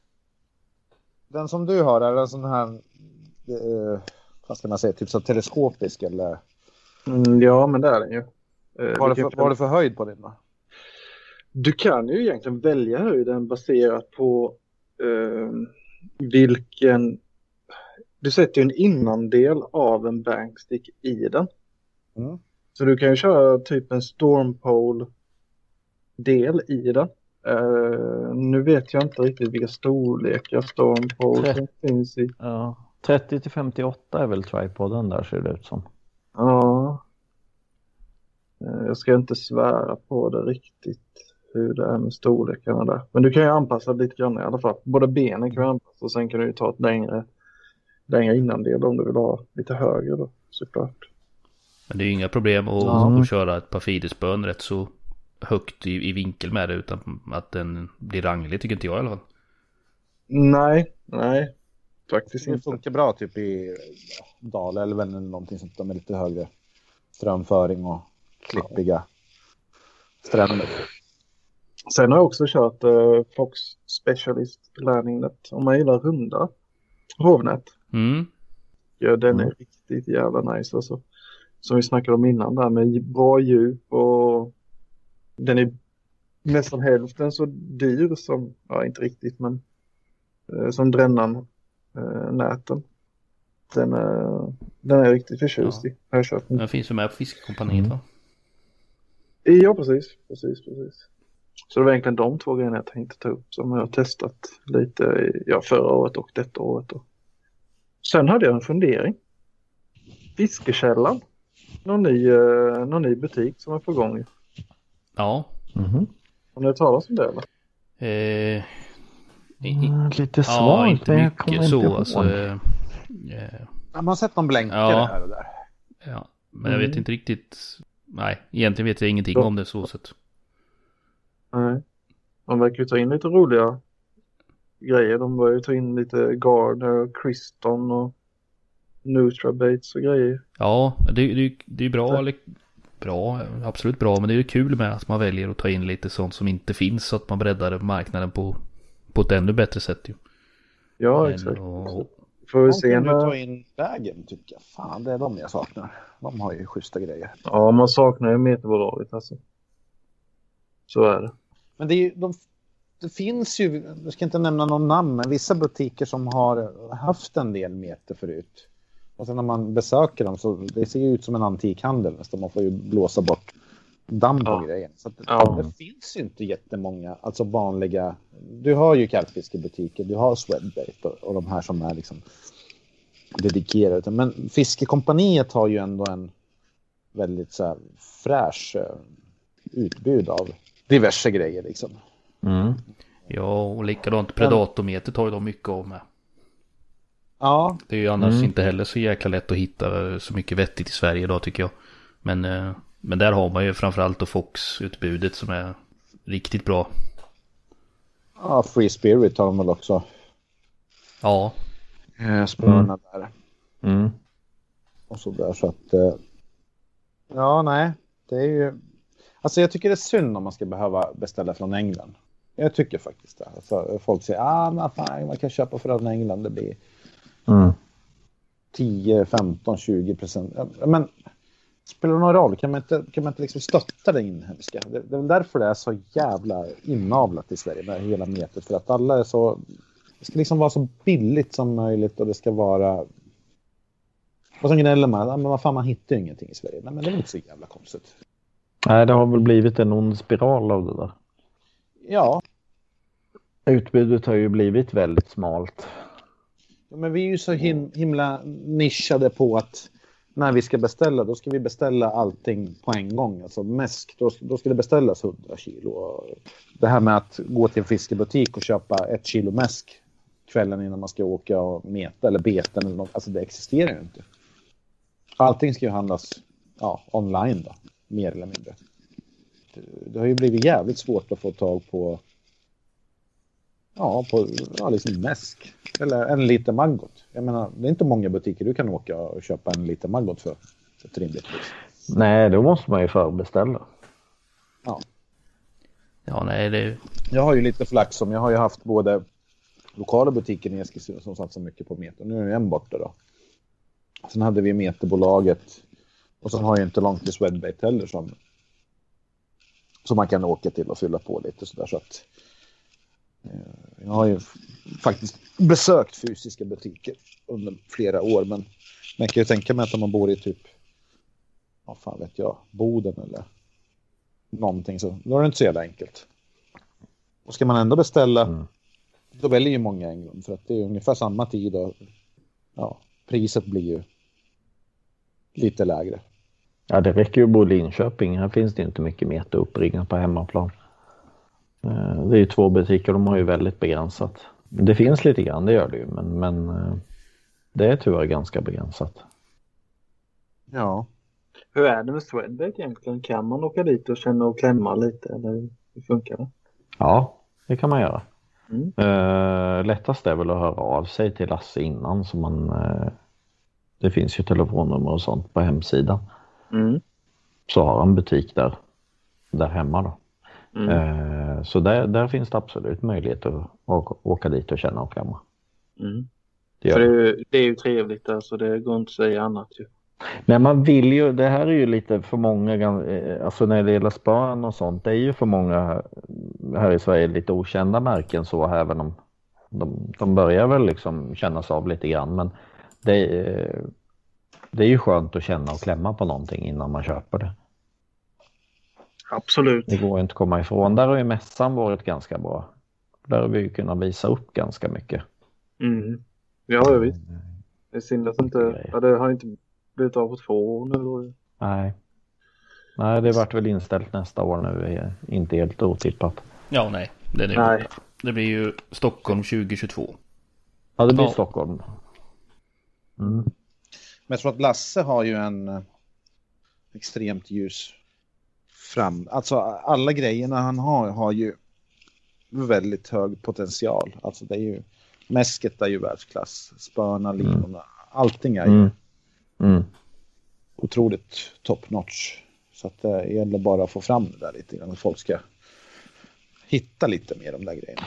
Ja, och våga testa lite. Jag vet allvarligt det... talat inte vad folk använder för spön. Och, alltså som feeders. Eh, jag har aldrig hört talas om att någon använder Colmic feeders eller Nisa feeders. Köper Nej. folk Drennan feeders eller? Ja, eller det som finns i den lokala butiken liksom. Ja, men det kan ju mm. inte vara mycket.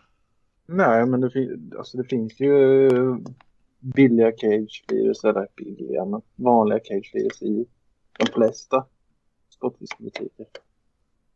Skulle jag tippa i alla fall. Man köper det liksom, antagligen. Jag vet inte. Mm. Ja, för att jag bryr mig egentligen inte vad det är för märke eller vem det är som säljer eller köper det. Eh, bra prylar ska bara finnas överallt. Alltså utan man en sån här feeder till det här priset, det ska ju för fan finnas i varenda fiskebutik i hela världen. Eh, linorna, helt otroligt bra. Mm. Helt magiskt bra. Spöna med, alltså, de, de, ska ju bara finnas. Väskor, alltså Drennans väskor, de ska ju finnas. Mm. Mm. Och Quilvers och hard cases eller vad det var. Men det är så jävla svårt för att du kollar på nätet och sen, du har inte så jävla mycket annat än, än priset och lite information och kanske en bild att gå på. Mm. Det, mm. det sätter nog sina begränsningar till vad folk köper. Jag tror sådana här poddar som, där man snackar lite grann, att det inte bara är en snubbe som orerar utan att man är ett gäng och, och snackar om lite olika, liksom, ja, vad man har kört med och så. Det kan nog, det kan nog ge lite idéer till folk i alla fall. Mm. Mm. Man får hoppas det. Ja. Kordago måste vi ju stort ja, minus att de har tagit bort Vindagon. Är det ens värt att nämna då tycker du? Ja, Nej, det går ju att beställa från England. Jag fick ju hem ett par flaskor för. Ja, men det kan finnas några restlager någonstans. Men det är ju. Det räknas inte. Det är, det är, som, det är, det är som att ta bort mellanmjölken. Det, liksom, det finns ju ingen som helst logik i det. Är det en spännande doft? Är det? Ja, det är den enda doft man behöver. inte riktigt så, men jag gillar den skarpt. Ja. Nej, men gon är ju lite, den är lite hemlig, tycker jag. Det, man ser ju som när Vicke till exempel skrev den här artikeln nu i om kallvattensfisk, att han använder lite god på olika sätt och sånt där. Så det är ju det är lite spännande att man kan använda den på rätt många olika sätt. Inte oh ja. bara karpfiske. Nej, nej, nej, absolut inte. Det går ju alldeles utmärkt till annat mete också. Ja, jag funderar på att smaksätta räkor och sånt där. Alltså det tror jag skulle kunna Funkar. Mm, vi har testat med korv och sånt där och smaksatt med god på Färna. Ja, men jag tänkte strukturen där, alltså det spolas nog bort väldigt fort på korv. Alltså det är svårt att få en ölkorv att suga i sig. Mm, jag har köpt en falukorv tror jag. Men, men uh, den såg ändå åt sig hyggligt. Den var jävligt lila i alla fall. Ja, det är coolt. Jag tänker bröd och uh, bräker ska jag testa lite grann. Det hade jag faktiskt inte ens tänkt på. Det var när jag läste Vicke skrev. Fan, har jag inte. Det har jag inte testat. Mm. Får bli... Vad är det för år nu? 2020? 2021 får det bli. Det är, då är det Korda-go-året. Go på allt. Nej, men alltså jag, jag gillar ju smaksätta lite prylar. Jag, jag, tror inte att det kanske alltid blir bättre eller sämre, men det känns ju att man har gjort någonting. Mm. Jo, men jag... en droppe eh, vaniljgo i, eller vad man nu vill ha för smak, mm. på en liten brödbit och sen får man en färnes. Då, det är klart, då har man ju förtjänat den. Det vet ju alla som har använt goet. Det är ju, annars hade man ju aldrig fått fisken. ja, jag, jag kör väldigt mycket med olika dipper och sprayer och sånt. Jo, det har jag också gjort. Men gon har ju... Den är ju lite annorlunda. Alltså den här den, ja. smoke och de här mm, grejerna. Mm, jag, tycker det. det är lite häftigt. Jag tror att det är bara att du ser ju doften i vattnet. Du ser ju mm. den här strimmen att oh jävlar, kolla vad den sprids. Har du en helt mm. vanlig booster så har du exakt samma effekt tror jag. Det är bara att du inte ser mm. den. Nej, så är det. Men eh, vi går på den. Mm. Vi, vi, vi, köper bluffen med hull och hår. ja, ja, ja, så är det. Se, ser det häftigt ut, luktar det bra, ja, då är det sålt på det. Mm. Ja, ja. Ja, nej, Krille. Ja, tacka för den här gången. Så eh, mm. får vi se vad vi hittar på härnäst. Ni får ha det så bra. Ha det gött nu. Detsamma. Ha det bra. Hej. Hej.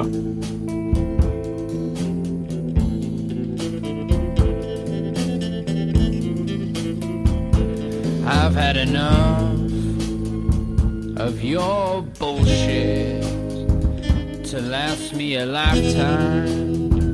So get out of here. I don't want to see you around.